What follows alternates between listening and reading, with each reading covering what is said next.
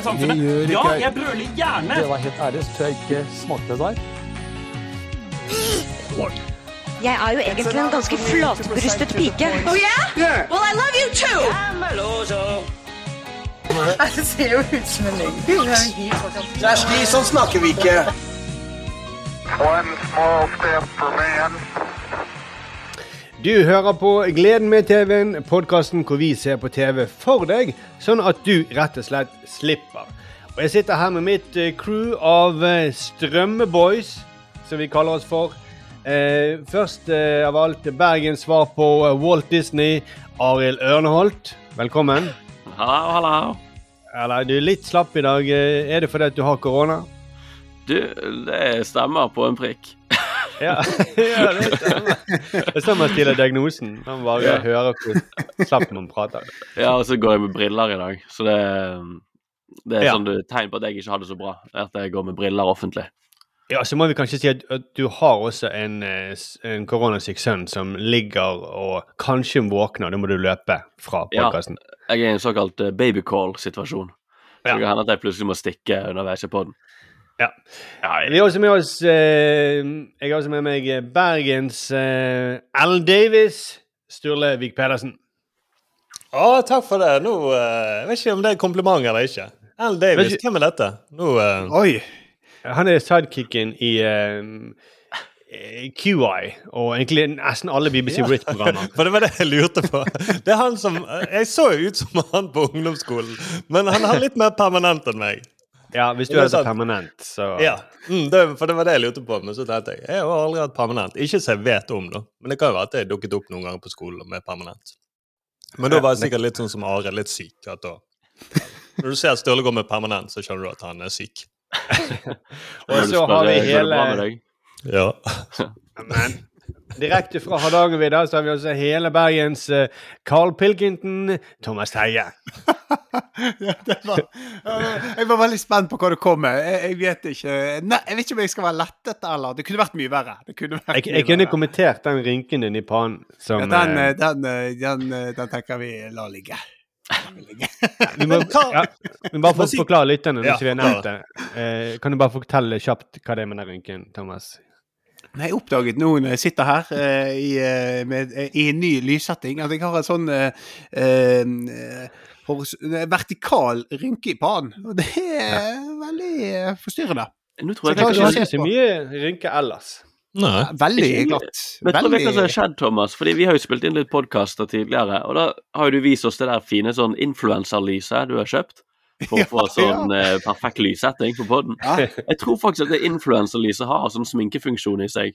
At det får det til å se mye glattere ut og mye mer presentabel ut. Og nå når du sitter i sånn hyttesetting, så ser vi alle rynkene og de Ja, det, blå ringene under øynene og ja, ja, ja. Ja, det er avslørende, dette her er naturlige lyset. Det, det passer ikke meg i det hele tatt. Jeg må ha, jeg må ha filter, og jeg må ha eh, riktig lyssetting for å se Du er like stygg som oss, Thomas, rett og slett. Du klarer ikke å lure noen. Nei. Ja, det, jeg har sunket ned på deres nivå. Det er litt trist. Dessverre. Men det er verre, nesten. For det ser ut som du har en sånn Det er ikke en rynke, for han, han går ikke innover, han går utover. Det ser ut som du har en fjellkjede som eh, deler pannen ned mot nesen. Ja. Ja. men Det ser nesten ut som jeg har en sprekk i kraniet. Ja, Ja. jeg ville sjekket det der opp. Ja, kanskje, ja. Det kan forklare mye hvis jeg har en eh, Mm. åpen Hvis du begynner nå for permanent, så ville jeg ringt fastlegen, for da er ikke du bra. For du er, langt på, du er på vinterferie oppe på fjellet nå på Jeg sitter Hardangervidda. på da- Haugasbøl. Ja, og det Mm. er jo Da er langt unna nærmeste legevakt, rett og slett. Ja, det er ja, det, Nå må ikke vi ikke si sånt. Nå begynner vi å bekymre. Ja, jeg tror ikke det er sånn at luftambulansen når de kommer med helikopter, så ser de hvem de skal redde. Nei, det er han der med det der eh, i pannen. Fly vekk, fly vekk. Det er sikkert smittsomt. Er ikke Jeg sikkert tror den, jeg tror den rynken den kan ses fra luftrommet, tror jeg. jeg har hørt. og det er der! Den rynken der, den furen der, den tar vi. Men, men da kan vi snakke om noe mer hyggeligere, for nå eh, endelig eh, Denne gangen så har faktisk eh, Thomas husket Han noterte det ned forrige gang. Han har husket å lage en ny vignett, som han har lovet så lenge. Så da er det bare å lene seg tilbake og lytte. Thomas, vil du si noe først om hva vi skal høre? Ja, eh, denne, denne Jeg har valgt en litt ny stil her. Jeg har valgt 15 sekunder stillhet, heter denne vignetten. Hallo, hallo. Nei, jeg har glemt det! Jeg har glemt det! Hva slags respekt er det du har for lytterne, Thomas? Jeg har uh, like mye respekt for lytterne som dere har for meg. Oi, oi, det, det er drøyt å si- mot lytterne. Det er drøyt å si mot lytterne. Mm. Ja, da fikk lytterne den midt i fleisen. Men Jeg ser det. nå jeg ser, skal bare se, jeg ser hvorfor Thomas har den der uh, fall i Eller uh, fjellkjeden i pannen. For det at hver gang Thomas har gjort noe dumt, så gjemmer han. Gjem hendene. Uh, ta ansiktet, og så gjemmer du det i hendene dine. Sånn, ja. Så, for det er det som skjer, at akkurat da fingrene presser opp den fall i pannen din. Når de møtes der, så presser de opp. Det er det du har gjort så mange ganger. Det er selvforskyldt, dette her. Ja. Du må begynne å lage vignetten, Thomas. Så vil ikke du komme inn i situasjoner hvor du driver og presser opp eh, deler av pannen din. Så kanskje hvis Men jeg lager vi sånn vignetten du- som er helt glatt bane. Det er Var det sånn du behandlet lytterne med Teige Lidsø da? At du, Eh, Nei. bare- Ja, Altså det, De, de, de ble behandlet med kjærlighet. og hvis du har noen problemer med måten vi behandler deg på, så får du ta det med oss. Ikke la deg utover lytterne. Nei, de har jo ikke gjort noe. Men, men det, jeg sa ikke at jeg, jeg, jeg kunne sagt Altså, det kunne bety at dere virkelig respekterte meg og an, anerkjente meg som, et, Det- eh, som en selvstendig person. Det ble Det tolket i verste mening veldig fort. Ja, for det gjør vi ikke. Vi, Jeg tror, lytterne forventer, jeg tror lytterne forventer vignett når det blir lovet at det skal komme en ny vignett. Men altså men ok. Nei, nå har jeg ødelagt alt. Ødelagt alt. Holder du eh, lytterne for narr, Thomas? Det var ærlig sak. Men vi kan, mens vi snakker om lytterne, så kan vi ta en tilbakemelding fra eh, en av lytterne våre. Henning Østrem Rottvit, som anbefalte uh, altså Kobra Kai til oss. Ja. Ja. Han skriver et, eh, etter forrige episode, når vi snakket om Kobra Kai, så skrev han eh, takk for en utrolig hyggelig episode. Veldig begeistret for at Kobra Kai falt i smak. Eh, jeg klarer ikke dy meg å sende adressen min tilfelle dere vil sende meg signerte bilder av Thomas Teige, Ukrainas president eller lignende. For vi sa jo at ja, han skulle få et uh, bilde av Ukrainas president signert av deg, Thomas, fordi at du Ja. ligner sånn på han. Men det må jo vi ordne. Ja, Holder du han for narr nå, eller skal vi det? Eh, skal vi la det være helt åpent? Så blir det spennende å tenke Nei, vi skal gjøre det. Jeg tror ikke han sitter med en skikkelig godfølelse der hjemme nå. Nei. Jeg føler at vi har gitt den veldig dårlig. Stakkars Henning, da. Den Han står hver dag og sjekker posten. Ja.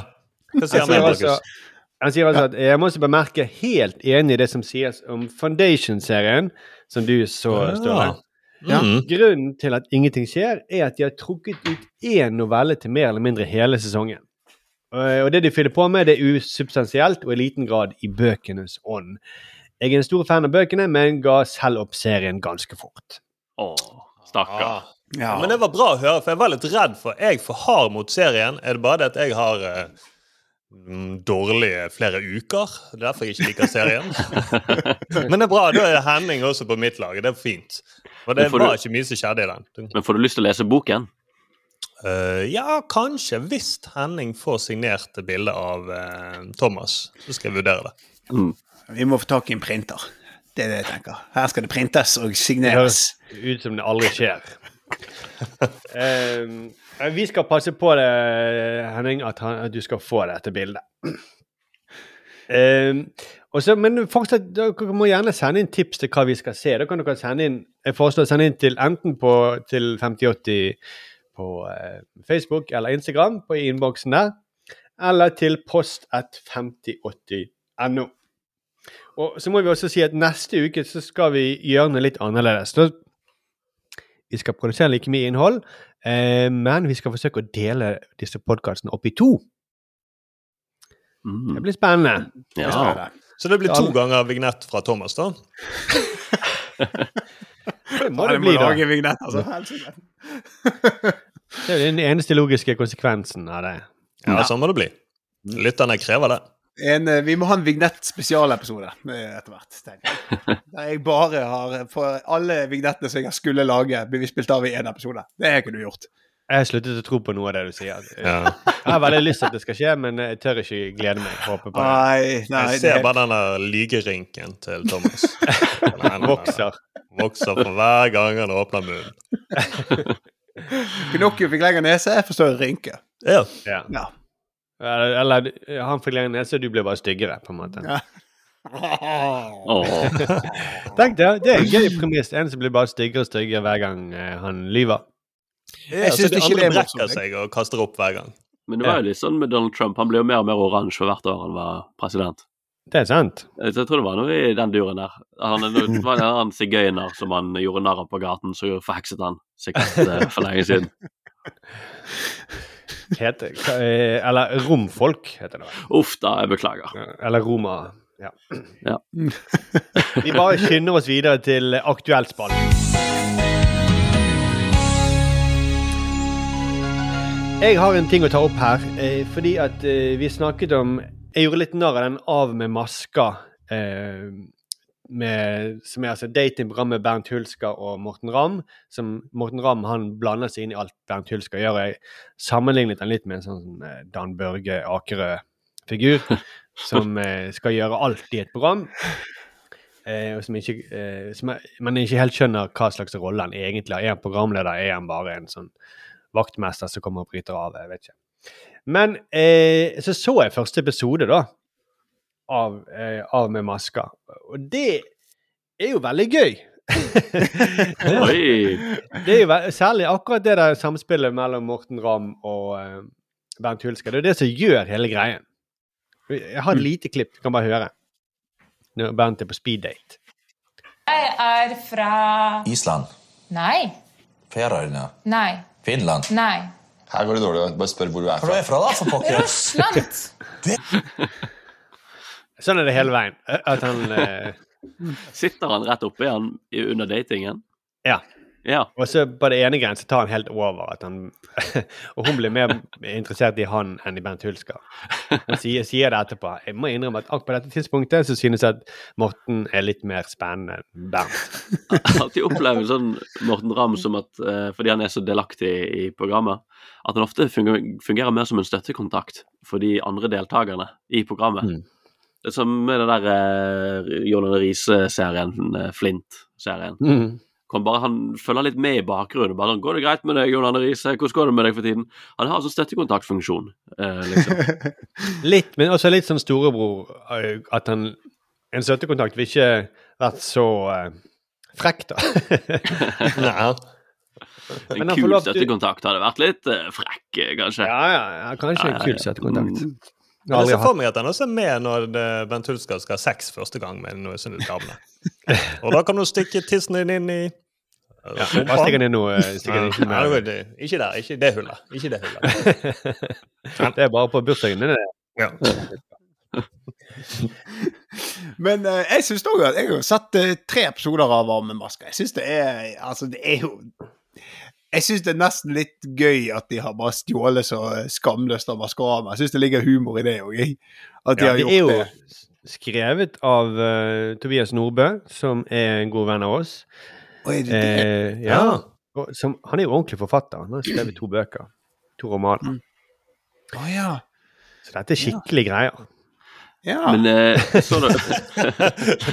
Så da er det nesten som å lese en bok, da, å se dette VG-programmet. Ja, Er det mye, bok er det mye symbolikk i programmet? Er det liksom så dypt? Jeg vil tro det. Han, han studerte jo litteraturvitenskap, husker jeg. Var litt sånn Kanskje det er noen sånn eh, drøm...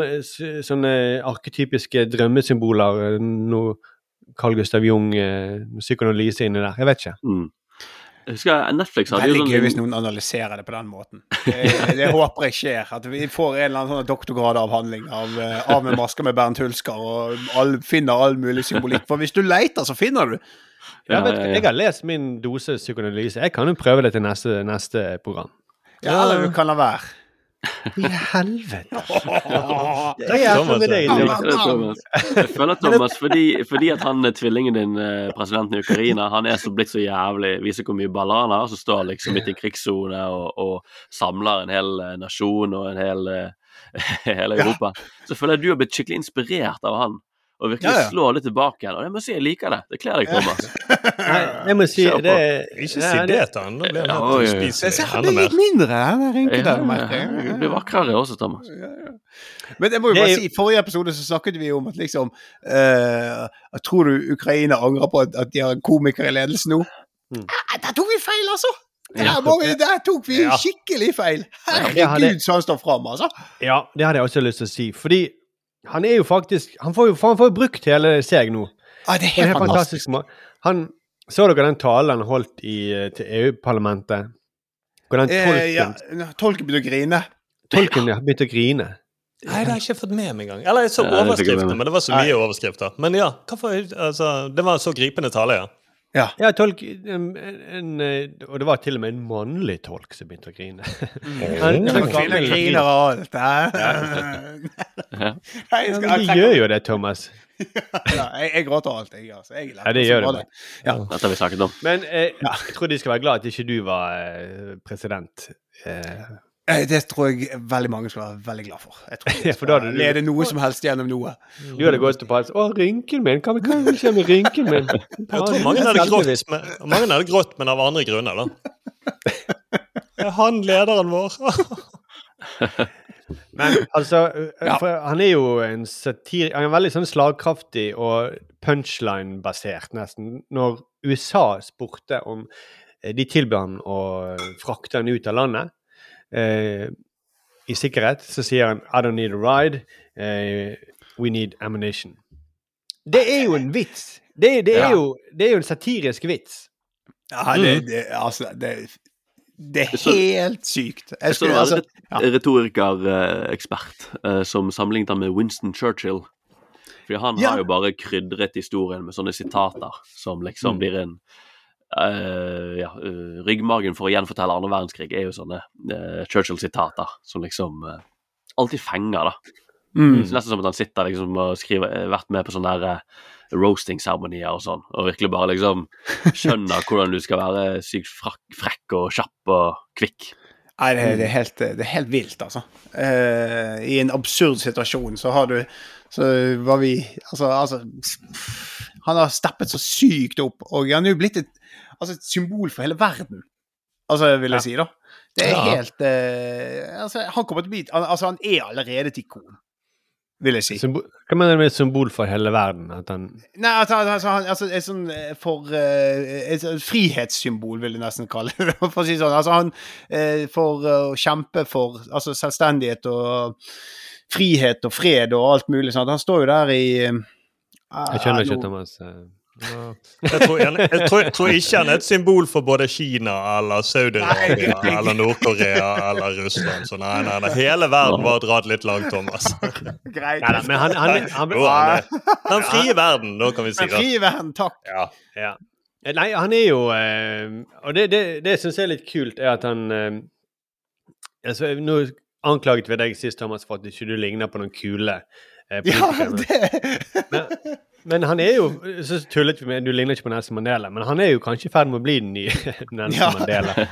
Ja, det, det, det er helt det, For Du har en ja. lysende karriere på, på uh, julebord framover, Thomas. Som uh, Gode parodier kan leie deg inn for å skal samle julebordet. Det, du må finne en god gimmick der. Altså, men jeg tenker hvis, hvis Ukraina klarer å ri den stormen av og eh, er en nasjon etter alt nå, så har jeg en karriere i Ukraina, altså. Ja. Det Jeg har jeg. hvis, hvis noen tilbyr deg en drink på julebord, så må du si jeg trenger ikke en drink, jeg trenger ammunisjon. jeg skal si det til alle Nei. tingene nå. Ja, eller jeg, jeg, jeg trenger ikke drink, jeg trenger uh, rynkekrem. Men det hadde vært gøy å sende Thomas ut som julebordsunderholdning, men for den russiske ambassaden. Ja. Det hadde vært gøy, det. Altså eh, Ah, shit. Og Det skulle har du det. spilt sånn der klovn, du kunne virkelig dummet deg til. Kommet inn med sånn bleie som og liksom bare vært skikkelig sånn I'm a little baby. Kunne det vært. De de hadde hyllet deg. Og så skutt jeg, bare for å være sikker. ja, ja, bare være sikker, ja. Nei, jeg tror ikke det, jeg tror ikke det er veien jeg skal gå her i livet. Altså. Det, Ja, de hadde betalt mye penger for det, det, det ah, ja. hvis de har Ja. penger igjen. Mm, Men det er ikke verdt noen ting, da. nei, nei, det gjør kommer man det. med sånn trillebår med et. En annen parallell til dette her altså Jeg har jo fortsatt å se på Kobra Kai. Jeg har sett Ja. Ja. Eh, nå er jeg inne i begynt på tredje sesong. Jeg er helt, helt hekta. Og du kom så langt? Ja, og, og det, det slo meg at eh, Russland er jo på en måte Kobra Kai. Ja. Fordi litt eh, det, det er det store, et av de store dilemmaene i serien hele tiden. Hva er mest effektivt? Er det å, bare vise aggresjon og aldri vise nåde? Eh, så er det noen eksempler på at hvis du bare pusher på og pusher på og ikke viser svakhet, så er det den mest effektive. Men Mm. så er det plutselig så, så skjer det et par ganger at det, det lønner seg å trekke seg tilbake før liksom du ødelegger, brenner, ødelegger ditt eget liv, da. Mm. Det er jo det han eh, Det som er liksom greien eh, Hvis jeg fortsetter nå, så vil jeg bare, ikke bare ødelegge for de andre, men også ødelegge for meg sjøl. Men så er det Ja. hele tiden fram og tilbake. Hva er lurest? Er det liksom å trekke, vite når, trekke seg liksom når du vet at uh, slaget er tapt, eller er det bare å fortsette, og fortsette? Som egentlig, Det, det er jo det Russland gjør ennå. De, bare, de har jo Veldig mye tyder på at de kommer, de kommer ikke til å klare å holde Ukraina. Mm. Nei. De kommer Nei, til de, å fortsette de har ingenting å tjene på dette. Nei, de kommer til å fortsette og fortsette som de gjorde i Afghanistan. da. Så de var der i ti år. Ikke i 20 år, sånn som Vesten var, men de var i ti år. Og eh, det var, når de trakk seg ut, så kollapset jo også hele riket. Og altså for eksempel eh, er de eh, De sier at De begynner å snakke om rasle med atomvåpen. Eh, så sier alle nei, de kommer ikke til å tørre å bruke det, for da vil de utslette seg sjøl. Hvem vet? altså, for de, de tenker, de andre som pyste, at de kommer ikke til å tørre å bruke det sjøl, så vi bare bruker det først. Det kan være de tenker sånn. Ja, og Putin bryr jo seg ikke om folket. Han er jo bare seg sjøl nok, da. Så om han sitter nede i en bunkers, så er det jo helt greit for han å bruke det. Angående bunkers. Det var en FN-talen til han ukrainske FN-ambassadøren. Dere fikk med dere den? Han er ikke like bra retoriker. Nei, men det var også at han bare i siste år i FN, og så bare If he want to kill himself, he don't need nuclear weapons, eller hva han sa. Det er liksom altså sykt sånn derre let, Do it like the guy did in Berlin in 1945. Og det er så jævlig sånn derre voldsom retorikk. Altså, i FN! det er bare så Nei, verden er fucket nå. Altså, så verden er fucket. Det er roasting-konkurranse. Det er derfor vi må snakke om TV. Ja, det er derfor vi må snakke Ja. om fjolleri og fjollere. Ja. Han, han sa jo Vi vet alle hva som skjedde med 'With the guy in the bunker'. Ja, ja, det var det han sa. Ja, jeg, jeg, jeg hadde ikke øvd inn det sitatet eh, ordrett. Men dere, skjøn, dere, dere tok referansen. Ja da, men du hadde øvd inn den fornærmende aksenten. Det hadde du gjort. Den har jeg øvd veldig lenge på. Men jeg lærte jo meg ukrainsk. Jeg vet ikke om dere husker det. For det når han ble valgt i 2019, han ukrainske presidenten så, Ja, du, du sa det forrige episode, så Ja, jeg gjorde det. Ja, så, så. Beklager til alle lytterne. Jeg har eh, ingen respekt for dere. Det er derfor jeg gjentar meg sjøl. Husker du drev og sa 'You must watch a Dark Place'. og så sa vi OK, ok, you must watch it, I insist. altså, you remember what happened with the guy in the hospital? Nei, jeg skjønner ikke referansen. Men ja, det stemmer, Thomas. Jeg husker det. Ah, det, det, det, det, det, det, det, det Er det noen som har noe mer på aktuelt? Jeg har sett mye plakater nå. Picard, det, det er sesong to, det er Star Trek. Ja. Ja. Eh, og jeg tenker kanskje det er den serien, neste serien jeg skal se, da, så jeg blir ikke skuffet. For da, der har jeg ikke noen forventninger, sånn som jeg hadde Foundation. Og så tenker jeg kanskje det er ekstra bonus er at der er det noen som ligner veldig mye på Thomas. De der klingonene, hvis dere husker det. De har jo en sånn kjempestor sånn der eh, rynke midt i pannen.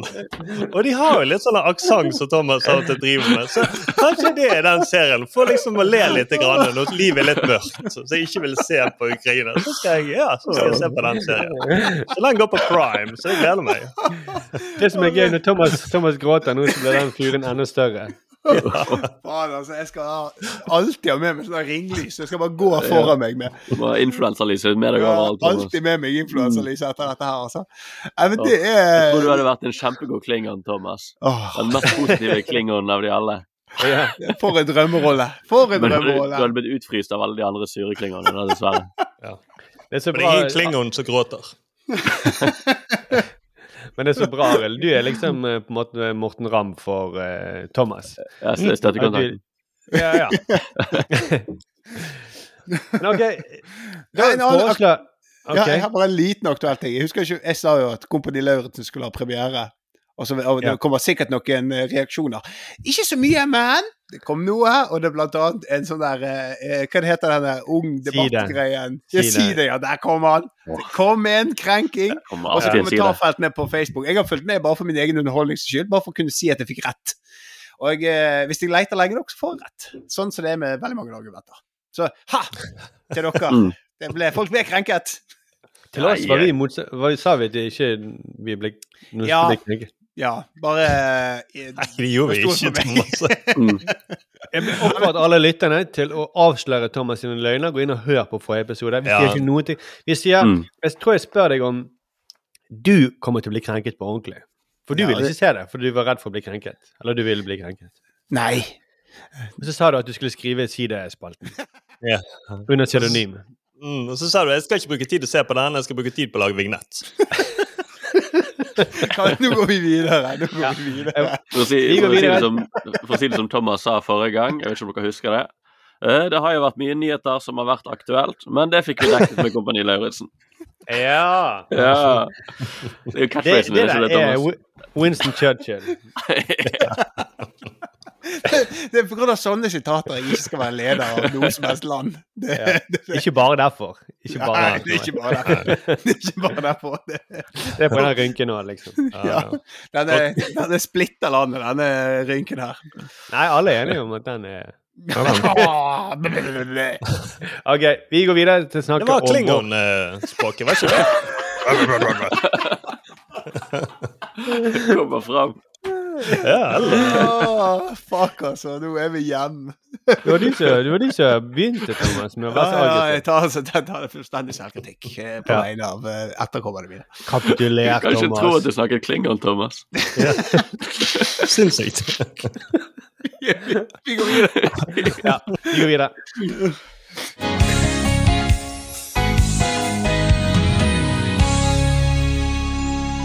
Arild, du skal få lov til å begynne å snakke om din TV-uke, i tilfelle det plutselig våkner noen eh, oppe hos deg. Ja, takk skal du ha.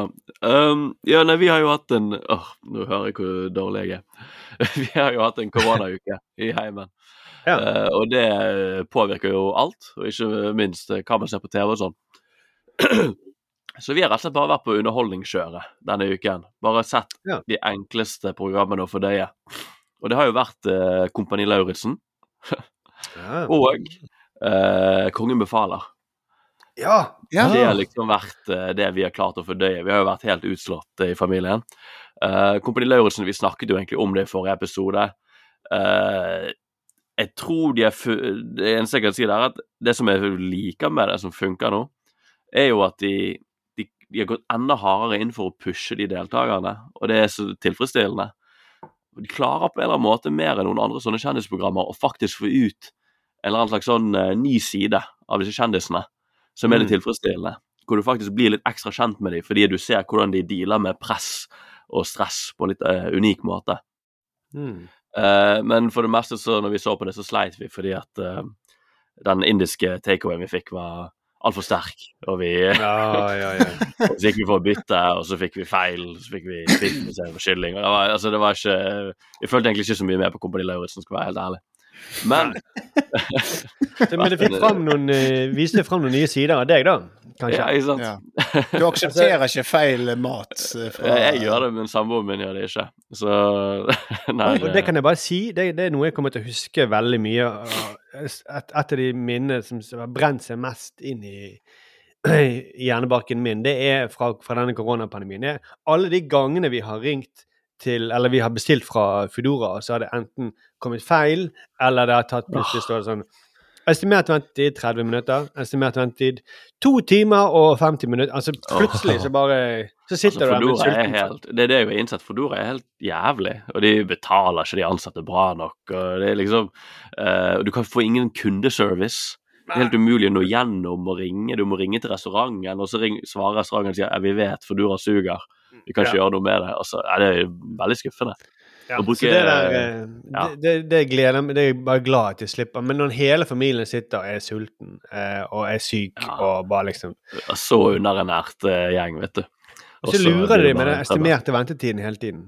Det er det som Ja. er det, er det mest irriterende. Kjempeirriterende. Ja, men Det var, uansett. det var. Eh, videre da, til eh, Kongen befaler. Som eh, du nevnte en gang eh, off eh, Mike Markus. Eh, er pur underholdning, husker jeg du sa. Eh, at Kongen befaler er som TV-program. Det, Ja. det er kun underholdning, på en måte. Det er ingenting annet, tror jeg Nei. du sa en gang. Nei, jeg tror det jeg mente var at i hvert fall når det er, når det er dårlig kast, når det er dårlig eh, liksom, eh, folk som er med, så er det ingenting. For da, føler jeg bare kaster bort tiden. Da er det verken morsomt eller får noe annet igjen for det. Ja, for det det vi liksom ville snakke om, som er så interessant med det. der Dette er jo uh, Kompani Lauritzen og Kongen befaler er jo to av de mest sånn populære underholdningsprogrammene som har gått nå de siste årene. Jeg tror også nøkkelen er jo fordi de har funnet ut at du skal mishandle kjendiser litt. Mm. Eh, det syns folk er underholdende og gøy, fordi at så ofte så setter man de kjendis-reality-deltakerne i litt sånn komfortable posisjoner til å hvis de feiler, så er det liksom fordi de ikke rekker å lage ferdig en middagsrett før det kommer noen andre kjendiser og skal spise. Det er liksom ikke så ekstremt. Men de programmene har skjønt at man skal virkelig eh, rive litt ekstra i det da, for å få fram litt nye sider. Og det syns jeg Kongen befaler når det funker. Det er jo det som er så bra med det. At få Mm. fram de sånn kreative, absurde og ikke minst sånn ekte sidene av de deltakerne. Og det er 100% på grunn av casten det funker. Og den norske varianten har jo hatt sånn to-tre dårlige sesonger. Men nå har de begynt å treffe litt. Jeg tror de har begynt å skjønne den kjendiskjemien sin. For de Mm. forrige to sesongene har vært ganske solide. Og det er jo casting Ja. da, som er hele nøkkelen. Og de, de, de har, nå har de ikke gått for liksom bare, bare de største kjendisene. De har alltid en sånn wildcard inni der. Amir var jo forrige sesong. Han er jo bare rar, eh, liksom. Litt sånn, Mm. Han er jævlig finurlig og vittig. Men i denne sesongen så er det virkelig det er Hun er fra andre teatret. Jeg har glemt hva hun heter. Kristine Grensen. Ja, det kan ikke det hun heter. Hun i Ja. Basic Bitch. Hun er Ja. mitt eget lydstudio. Det er hun kjent fra. Det er der hun er kjent fra. Nå må vi slutte å snakke om denne podkasten. Vet du hva, Thomas kan bare lyge, for det er jo ingen som kan det, det er jo ingen som dobbeltsjekker det. Ja, ja, ja. ja. Ja, det var William. veldig flink. Veldig flink. Herregud. Ja, Ja, og så ja. sykt skarp. Bare Utrolig kvikk. Ja. Ja. Um, ja, unnskyld. Nei da, men eh, det, det er liksom det de det hun, er, ja, hun er veldig god. Og det er liksom det eh, de Jeg tror det, de programmene viser egentlig hvor viktig casting er, rett og slett, for å lage god humor.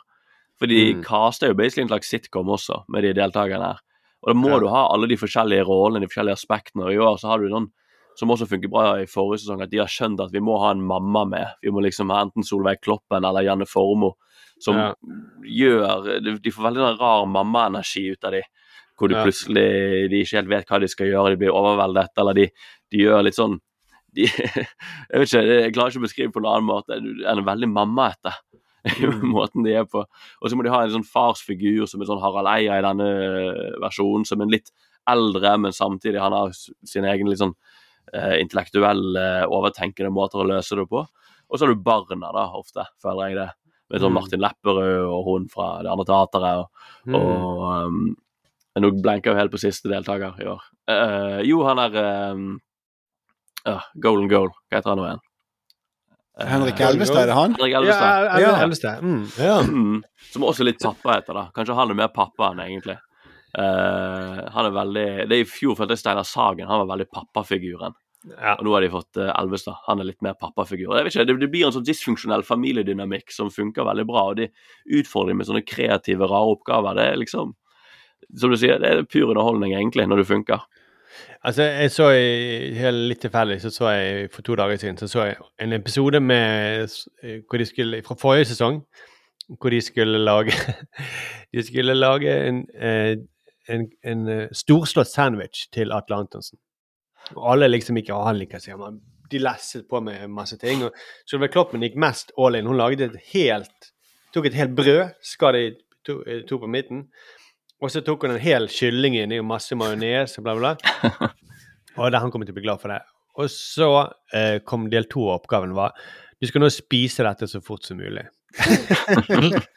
ja, det å se Solveig Kloppen liksom prøve å brekke seg liksom når hun skal bare, Tanken på å spise hele det brødet med en hel kylling inni, det var Det er veldig fint. Det, det, det er smart, altså. Ja. Jeg tror eh, det var jo Altså, jeg har jo sett så mye på det britiske, da. Og det er av en eller annen grunn eh, Jeg tror også jeg begynte å se Kongen befaler når jeg var syk. Fordi det er veldig YouTube-vennlig. Hvis, du- hvis du er litt interessert i å se mer av det, så finner du den britiske serien på YouTube. De Det er litt sånn som uh, Would I Lie to You, eh, som det Ja. bare ligger masse på YouTube, og som er perfekt når du er syk eller eh, Det er genialt. Det er akkurat i samme sjanger. Det er liksom sånn Gå ned i et YouTube-hull, så har du eh, Holder deg gjennom en hel influensa. uh, og det jeg anbefaler hvis man er en liker kongebefaler, sjekk ut det britiske. De er litt mer sånn uh, finfønt, litt sånn fine på det, og litt mer quirky. Men samtidig der har de gjort sånn åtte sesonger, så de har også begynt å skjønne det kjemigreien. Så det ja. Ikke så mye mer, altså. Det er bare blitt underholdt denne uken. Ikke klart å tenke på så mye annet. Og Da er det jo greit å ha sånne TV-program. Ja, men De jeg synes eneste, det- eneste kjendisprogrammene jeg faktisk kjenner at sånn Gi meg noe. Ja. Det jeg syns er gøy med Kongen befaler, er at se hvor forskjellig de, de løser de oppgavene. Det er noen av de som er sånn eh, Jeg vil bare prøve å lage ha det gøy, eller lage noe gøy for seerne. Og så er det Mm. noen som tror Harald Eia ser på det som en sånn IQ-test. Ja. Man skal liksom Ja. vise eh, For det er jo det er til forveksling lik IQ-tester, noen av de tingene. Eh, det var en sånn oppgave hvor eh, de skulle de får, Du skal male dette bildet her. Eh, prøve å gjenskape dette bildet. Mal så likt som mulig. Ok, Så skal de begynne å male, og idet de skal begynne å male, så skrur de av lyset. Trykker det på lysbryteren. Så ah, vi må male i mørket. Harald, Eia, tenker ok, jeg tar opp mobilen, så har jeg lys på mobilen. For det står det ingenting om at de ikke kan bruke. Ja. Men hun er fra andre teatre som igjen har glemt hva heter. Hun bare OK, men jeg kan bare skru på lyset igjen. sånn gjør hun hele tiden.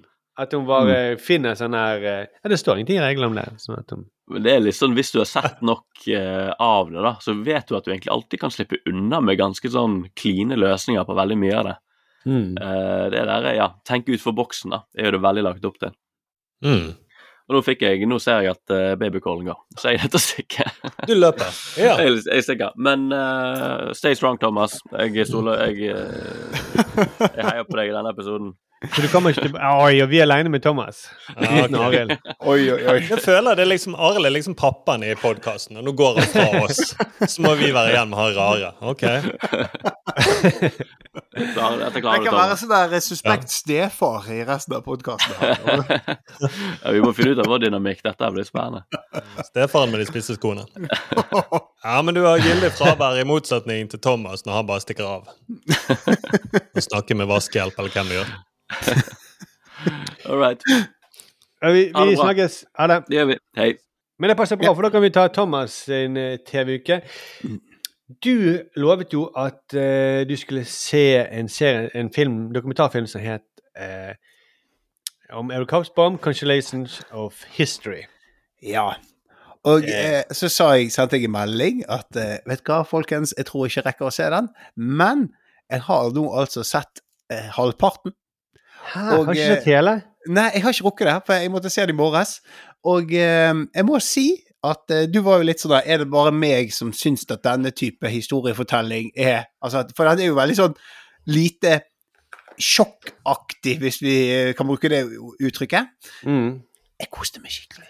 Herregud, for en historie. Ja, vet du hva, Ja. det er dritdeilig med en sånn her. Det er bare en spennende historie, og han er en Altså, han er jo ikke underfortalt. Men han er bare så Han går bare sånn det er bare, Alt er så sinnssykt, og det, han, han er så smart, han uh, historikeren, og hele dette her spionasjegreiene Jeg er jo så vidt begynt å touche det nå, der han er begynt mistenkt og sånn. Men altså, jeg, den skal jeg se ferdig. En nydelig liten perle av en dokumentar okay. om en veldig spennende person. Men hva var den helt Eh, het? Altså, eller hva handlet den om egentlig, Thomas? Nei, altså, det, han, at, ja. Jeg har jo forberedt en, en quiz, da, egentlig. Ja, kanskje vi skal gjøre det? nei, nei, jeg Så kan han eh, fortelle etterpå hva han egentlig handler om, da. ja. Nei, altså jeg, men men jeg, jeg, har en quiz, og jeg, Prøv. prøv. Jeg, jeg får ikke sett den ferdig, men jeg skal svare så godt jeg kan. fem spørsmål. Ja. Eh, hvis du eh, ikke klarer å svare på mer enn Hvis du bare klarer å svare, ikke klarer å svare på så mye som tre Du må klare å svare på tre spørsmål. Ja. Hvis ikke, så skal du få en eh, så må du se en enda mer avansert film eh, til neste gang. Det, Oi, sånn såpass. Han var jo sånn ikke er så avansert. Han var jo bare veldig Nei da, han er ikke det. han er ikke det. Men, men den er faktisk Han toucher innpå noen sånne her eh, litt sånne her eh, store linjer i, i Sånn i sånn vitenskapsteoretiske greier, da. Liksom eh, Ja, men òg bare denne hele hans situasjon historisk. Jeg synes det var, jeg fikk liksom mm, For å gjenspeile den tiden han liksom eh, levde i, og i forhold til tiden vi er i nå, da. Når han forteller liksom om Som vi snakket om i forrige episode, at han var i Tyskland når Hitler kom til makten. Og Mm. hele den der eh, Når de sier liksom det at Eller han sier vel at verden vi kjente hadde kollapset. Det var ikke noen mellomting lenger. Det var på en måte nazistene på ene siden, og så har du kommunistene på andre siden. Og han mm. kunne ikke identifisere seg med nazistene, så han valgte å så Han bruker vel uttrykket 'en rad'. Og bare det der bare det der, men det var den der setningen 'Samfunnet vi kjente, hadde kollapset'. Det var to enorme ytterpå. Jeg, da fikk jeg frysninger, liksom. Bare sånn Herregud, for en sinnssyk Altså, du tenker det- ikke over det. det, det skriver Eh, han jo veldig mye om i den eh, ene boken som heter Ja. Age Bare, of bare si at han er en professor i historie. Det er det han er, sant? Ja. Ja, ja. Ja, mm, Bare så vi henger med. Mm. Uh, I Age of Extremes så skriver han uh, blant annet om det der at uh, på 30-tallet så var det nesten en sånn gjengs oppfatning om at demokratiet hadde feilet. ja. Alle Ja. de fleste var liksom enige om det at demokratiet funker ikke. Vi må, litt sånn som man sier om kommunismen i dag, da. At kommunismen funker ikke i praksis. Eh, så de, da var det liksom for en ung Han var jo jøde sjøl, så han, kunne- han kunne ikke velge fascisme. så da, da var det liksom eh, Kommunismen var det eneste alternativet. Nei. Men hvis du skal kjøre quiz, så tar jeg utfordringen. Ok. Eh, hvilke tre språk snakker Eric Hobsbawm i denne filmen? Eh, han snakket i hvert fall tysk og engelsk, eh, og um, eh, eh, Den siste har jeg ikke fått med meg, men Jeg jeg bare kjører langt, på med um, hebraisk. Nei, italiensk. Faen! Ja, det var ikke det, var, ja. Greit. Eh, på hvilken måte skiller hans eh, marxistiske materialisme seg fra andre former for marxisme? Der er pass. Der kan jeg ikke svare. Jeg kan gi et lite hint. Jeg kan gi hint. Eh, analskolen. Hm? Nei, OK. Eh, det er et stort tema i, i filmen. Å da, ja, ja, han ja, oh, ja, jeg Ja. Han er inspirert ja. av den franske analskolen, som Ja, ser men på når historie. du sier analskole, så er jeg altfor enkel. Jeg, eh, jeg tenker helt feil. Jeg tenker ikke en eh, ordentlig skole. Jeg tenker en tulleskole. Men Basically så betyr det at han ser på historien litt som man ser Han bruker sosiologi på en måte sånt, for å Ja. forstå historien. Ja. Eh, og alt annet som kan brukes for å kaste lys over historien. Det er ikke bare sånn rene økonomiske analyser. Ja. Hvem var han omtalte som Maggie Thatcher in trousers? Nei, det, det husker jeg. Jeg har ikke kommet så langt. Nei, det har ikke Nei, Jeg har nei. jeg husket det. Dette, dette handler da om at han snakket om en han, øh, han er jo kommunist, men han snakket om han vil reformere eh, venstresiden. Han måtte reformere seg og fornye seg. Og så brukte Tony Blair Han tok argumentene til Hobsbawm eh, når han startet sin eh, liksom tredje vei for Labour. Oh, ja. Eh, som egentlig var en høyredreining av Labour. da. Hm. Og da kalte han Tony Blair for Maggie Thatcher and trousers. Hæ. Hvorfor økte behov Spørsmål nummer fire. Nå må du svare riktig på de. eh, Ja, nå sliter jeg. Jeg er helt fucket. Ja. Hvilke, hvorfor økte behovet for overnasjonale samarbeidsorganer, som EU f.eks., ifølge Hobsbawm? Pass. Nei. Det er altså fordi at Dette er for dårlig, Thomas, men det var Ja, men jeg har jo ikke sett alt! Jeg er alt for, han er altfor ung eh, når jeg har gitt meg her nå. Men svaret er da er at fordi at eh, det ble, ble, nasjonalstatene ble mindre og mindre, samtidig som de multinasjonale eh, konsernene ble større og større. Mm. Så da måtte vi ha noe for å ja. OK, til slutt, da. Kan du si noe om hans forhold til banditter i folkeeventyr? Nei. Nei. det, det kan jeg Nei. ikke. Eh, vi får prøve quizen igjen. Eh, vi prøver igjen neste uke, da. Ja. vi prøver igjen neste uke. Vi kan prøve igjen neste uke. For meg, da, som eh, publikummer, så virker det som om uh, Thomas bare har hørt på forrige episode. Egentlig det han er. Istedenfor å Når Markus fortalte om denne dokumentaren. Istedenfor å se dokumentaren. Nei, men det er faktisk eh, Det var veldig Jeg ble veldig sånn sugd inn i historiefortellingen, og så var det eh, Men jeg eh, Jeg syns liksom at det var en behagelig måte å fortelle en historie på. Og eh, jeg har ikke kommet så veldig mye inn på selve de funnene hans. Det er egentlig bare mer den der at han var i andre verdenskrig, og der har de begynt å mistenke at han er Altså, de har funnet ut at han er kommunist.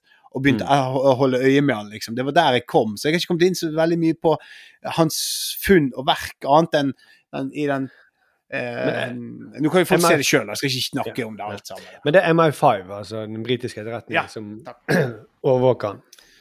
Men eh, vil dere høre andre ting jeg har sett Ja, denne ja, uken? ja. For det vanligvis så går vi gjennom den vante listen min, eh, som er bla, Papirhuset, bla, bla, bla, bla. Så derfor tenkte jeg jeg må nødt til å komme med noe nytt på bordet for å ikke bli latterliggjort. Og så er det sånn at vi, eh, når vi er i sånne dystre tiders ved, så må jeg se dumme ting. Og eh, så tenkte jeg at på eh, Netflix så kom det opp en uh, ny sesong av uh, Love is blind. Uh, og da tenkte jeg det skal jeg begynne å se fra første episode. Sesong én, da. Selv sesong to nå, så begynte jeg på sesong én. Og bare for å fortelle kort hva det er, så er det da noen menn og kvinner som driver og Jeg tror det er 36 dager de, er de med i dette reality-programmet. Og eh, de begynner i båser der menn og kvinner lever på en måte De snakker med hverandre, men gjennom en vegg for å finne ut om Liksom bare bli kjent med hverandre. Og finne rett og slett en sånn dyp kjemi. Altså ikke Du fjerner utseendet, de skal bare finne kjemien seg imellom gjennom gode og lange samtaler. Og, de, og disse menneskene de forelsker jo seg, og så frir de. Og når Oi. de blir fridd til, så får de møte hverandre fysisk for første gang, Shit. og så reiser de på bryllupsreise. Og så Wow. er, er hele plottet er det at i den siste dagen så er det da Da går de liksom til alters og gir hverandre sitt endelige ja. Uh, det er liksom det de skal og, Så det er liksom en sånn Du går baklengs inn i datingen der eh, Og det, det, det er veldig Vet du hva, det er, det er veldig Nå har Arild ødelagt meg. Dette er ikke en type program som jeg ville sett på i det hele tatt. Men dette her eh, det er liksom den rake motsetningen til Fuckboy Island som vi har snakket så mye om. Eh, alle de som er med på dette, er litt sånn altså, Det høres litt ut som uh, Av med masker, da, på en måte. ja, ja, Ja, det ja, men det er, det er veldig spesielt å se For vi ser jo menneskene, altså utseendet på dem, men å tenke på at de, altså, de forelsker seg oppriktig i hverandre uten å ha sett hverandre.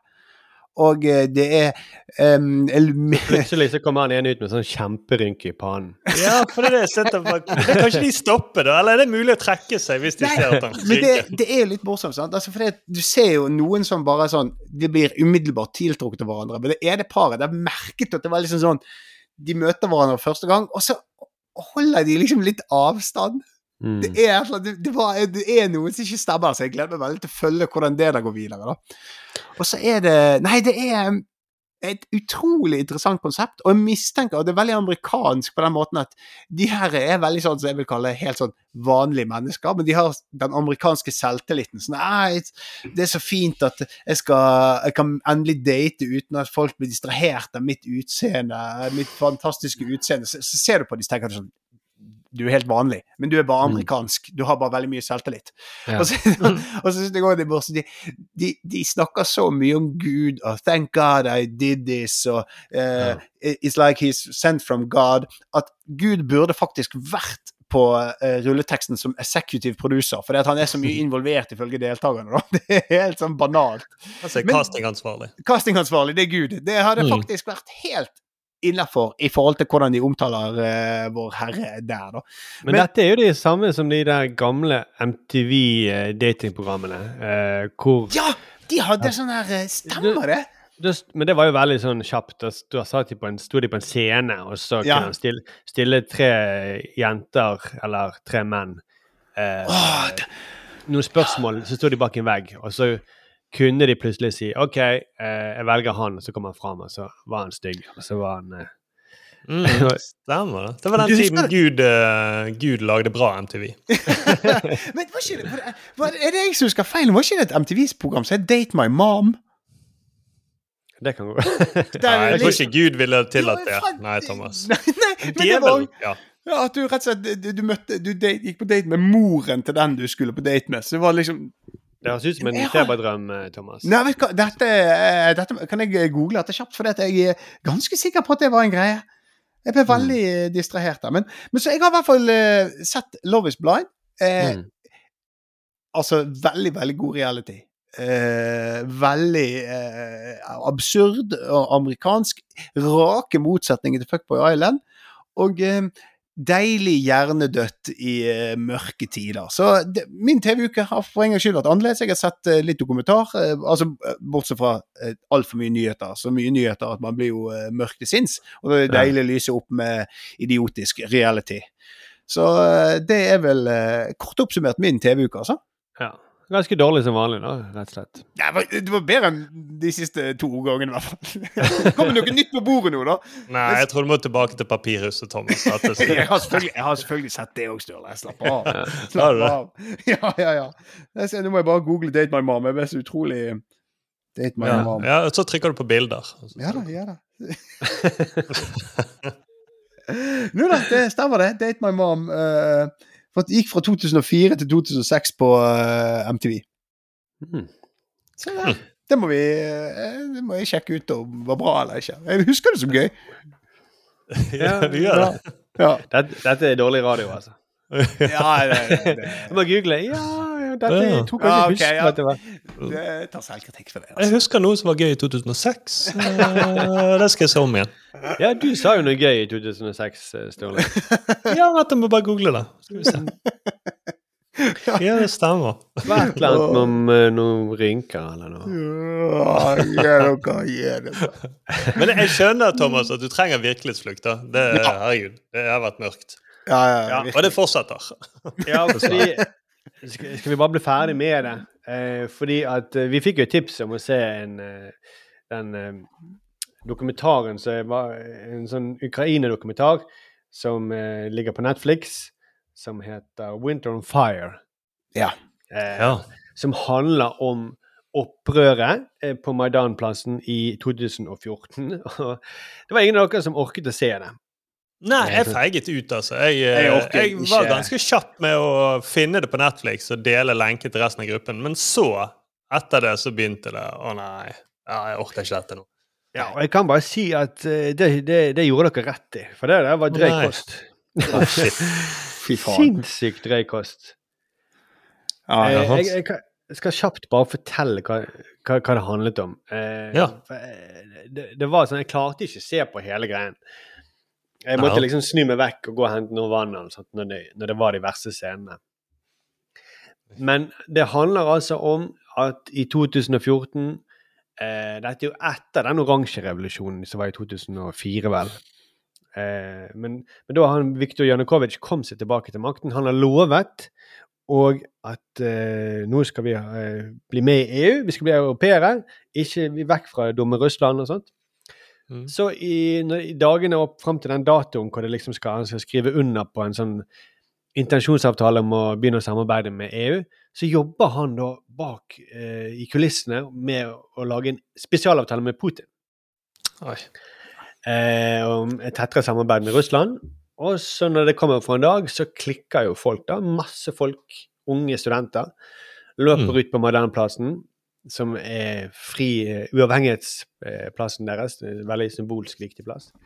Og bare stå der, og det, det er november, det er kaldt, men det, de, det, det er sånn fantastisk stemning. og ble, De har en stor fest der, og alle, det blir veldig samhold. Og Det er ganske kjedelig de første minuttene. for jeg tenker bare Det, det er bare sånn flott musikk, og alle snakker om hvor flott det er der, og bla, bla, bla. Eh, så tenker jeg, er dette alt? og så kommer det plutselig noe opprørspoliti, Berkut, eh, som de heter.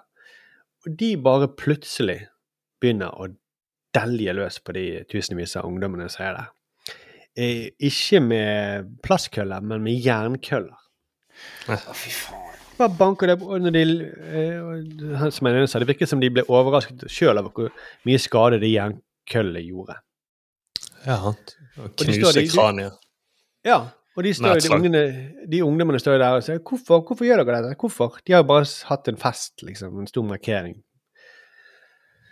Og da er det eh, plutselig så bare Istedenfor å trekke seg tilbake, så kommer hele Alle lag av befolkningen kommer til Modernplassen. Og det er titalls tusenvis av folk som står der. Dag ut og dag. De bare bor der. Mm. De bare bor der, eh, og de, de er ekstremt sånn selvorganisering. At de skaffer mat, medisiner, eh, jakker, lager Altså Det bare skjer spontant av seg sjøl. Og så beleirer de den plassen i måned etter måned, og så begynner politiet å bli mer mer aggressive. Og så sier eh, Prøver de å ha sånne nye lover om ok, det er ikke lov til å eh, ha hjelm på offentlig sted. eh, Jeg skulle akkurat til tull nå. Det er ikke lov til å Eller du påbudt å bli slått. Men, men det, var det, det var sånn. den gaten, da, med ikke lov å ha hjelm. Ja. Og da, det de gjorde da, var at da gikk, tok alle på seg sånne her gryter på hodet og Bare for å liksom gjøre narr av den loven, da. Hva er Mm. greit? Herregud. Eh, ja, men OK, kort fortalt. Eh, til slutt så ble de lei av å stå De har stått der i eh, nesten i 90 dager.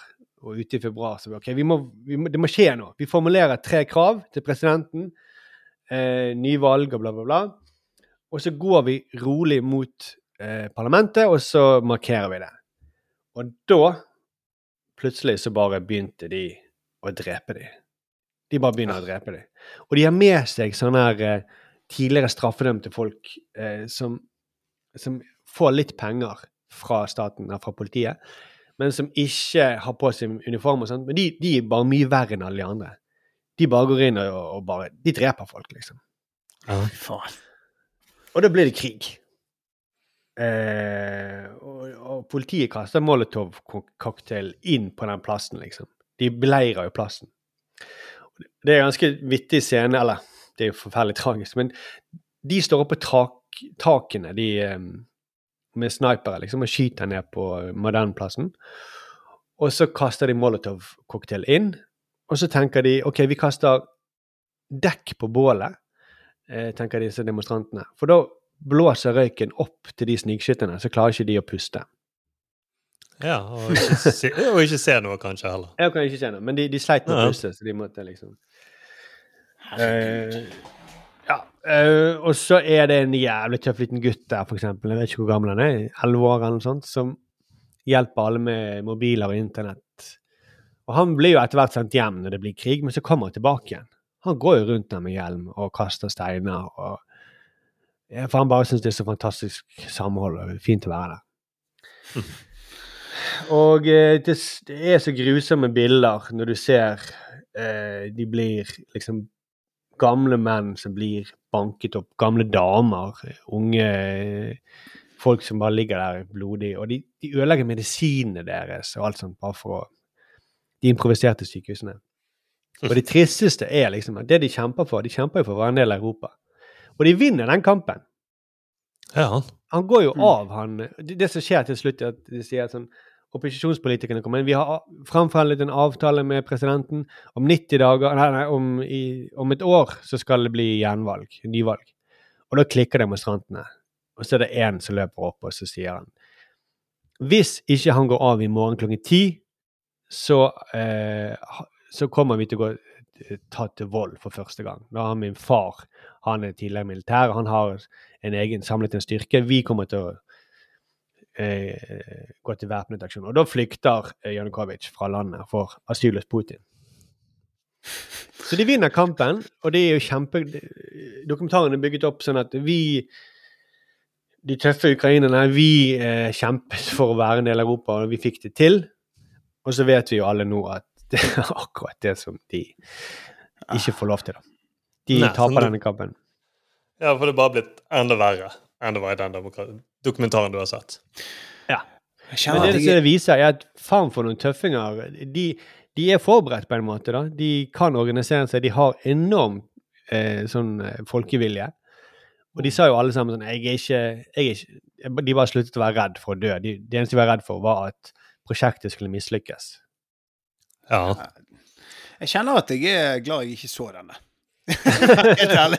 Altså, det, er- jeg syns det er ille nok å bare få den historien gjenfortalt på denne måten. Jeg, jeg tenker eh, eh, eh, Nå har jeg Takk for det, Markus. Eh, Nå setter jeg på noe lett og teit og hjernedødt igjen. Fordi at jeg er nødt til å flykte fra dette her eh, Ja. Men han ene åpner jo med en, en helt syk åpningsscene. Det er en fyr som sitter midt i skuddlinjen, og så sitter han og snakker med kamera, og så sier han der er en som død, han er død, han er død. Jeg tror han er kanskje 16 år, han fyren. Uh, helt rolig. Oi, se der døde han, liksom. Og så er det klipp til en annen fyr som sa at han fikk en melding på Facebook. Kom til Modernplassen. Jeg lukket sammen PC-en, dro av gårde. Så åpnet jeg Facebook igjen halvannen måned etterpå. Ba- for han bare var på Modernplassen i halvannen ja, måned. han var der. Mm. Helvete. Jeg er veldig glad for at du så den, Markus. For det at jeg merker sånn når jeg ser på nyhetene Jeg må ta sånn pauser fra telefonen. Ja. Ja. De første dagene så, så var jeg på telefonen hele tiden, og det Ting ble jo kjempemørkt i mitt sinn. Så eh, Nei. Så bra at du har det mørket i ditt eh, sinn, Men du, du sa jo, Støle, at du hadde sett uh, Colbert tulle med det. At det hjalp. Ja, det gjorde det, og det var, det var utrolig digg. Det var en sånn vitamininnsprøyting. For jeg hadde bare sett eh, disse negative nyhetene, og så så jeg Colbert når han driver og tuller med det. Uh, og da begynte jeg endelig å puste litt mer med magen og si OK. På en eller annen måte så finnes det som det Ser det ut som det er et slags lys i tunnelen. ja, det er fint, da. Få dette på avstand, og så OK. Verden er ikke helt over ennå. Selv om eh, Putin truer da med masse ødeleggelsesvåpen av atomvåpen. Kan vi tenke, så er det gøy, fint å tenke på at Thomas ligner på han eh, ene. Ja. Ja. Det, det også hjelper litt. Grann. Så men, jo, men det, det er tungt, da. Jeg skjønner godt at du flykter, eh, Thomas, til Nei, jeg, ja, jeg, Love is blind. Men det, ja, men altså, det er Man blir jo Jeg måtte gjøre akkurat sånn som deg, bare ta pauser fra telefonen, sånn, for man går og sjekker hele tiden, og man blir jo rett og slett eh, Man mister fullstendig eh, Altså, det blir så mørkt at eh, Ja, det, er digg når det kommer inn vitser som kan lyse opp litt. Grann, da. Jeg, han, eh, jeg tror det var Tim Dylan hadde på en veldig morsom vits. For jeg har sett litt sånne vitser på Putin versus Biden. Sant? Putin i baris og på hest og alle de tingene der. Så var det det var ikke til noe blandet til litt der, men det var en annen komiker som hadde en veldig, veldig gøy greie som så på YouTube. Jeg husker ikke han komiker, hva komikeren heter sånn i farten, men han bare sånn der Kanskje du kan google det? Var det i 2006? Nei, ja, nei, nei, nei, nei. Men han hadde en veldig gøy vits med liksom Si hva du vil om Putin, men liksom, bilden hans åpenbart PR, men han sitter på en hest i bar overkropp og er liksom eh, eh, og ser på en måte sunn og frisk ut. Mens USA har da en president som hvis han sitter på en hest, så er det sånn Å, um, jeg tror ikke han er trygg der oppe. Vi er nødt til å ta han ned.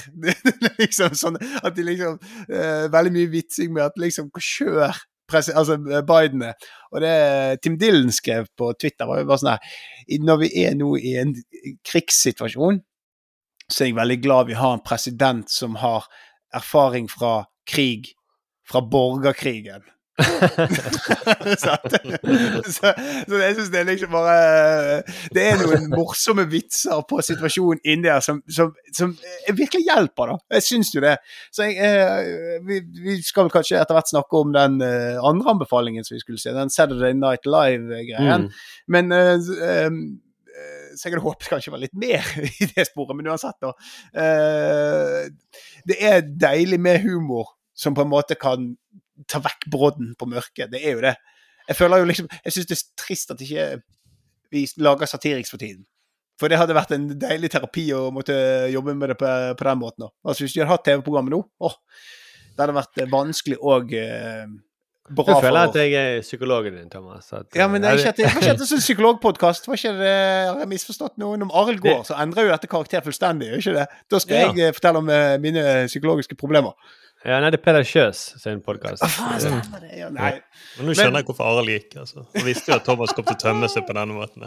Nei da, Jeg kan ta min eh, virkelighetsflukt før vi går til Ja, neste. gjør det. Ja, ja, ja, selvfølgelig. Ja, jeg eh, også orket ikke å se noe eh, tungt.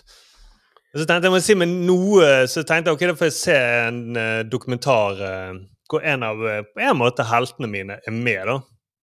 Og det er den dokumentaren 'Django og Django'.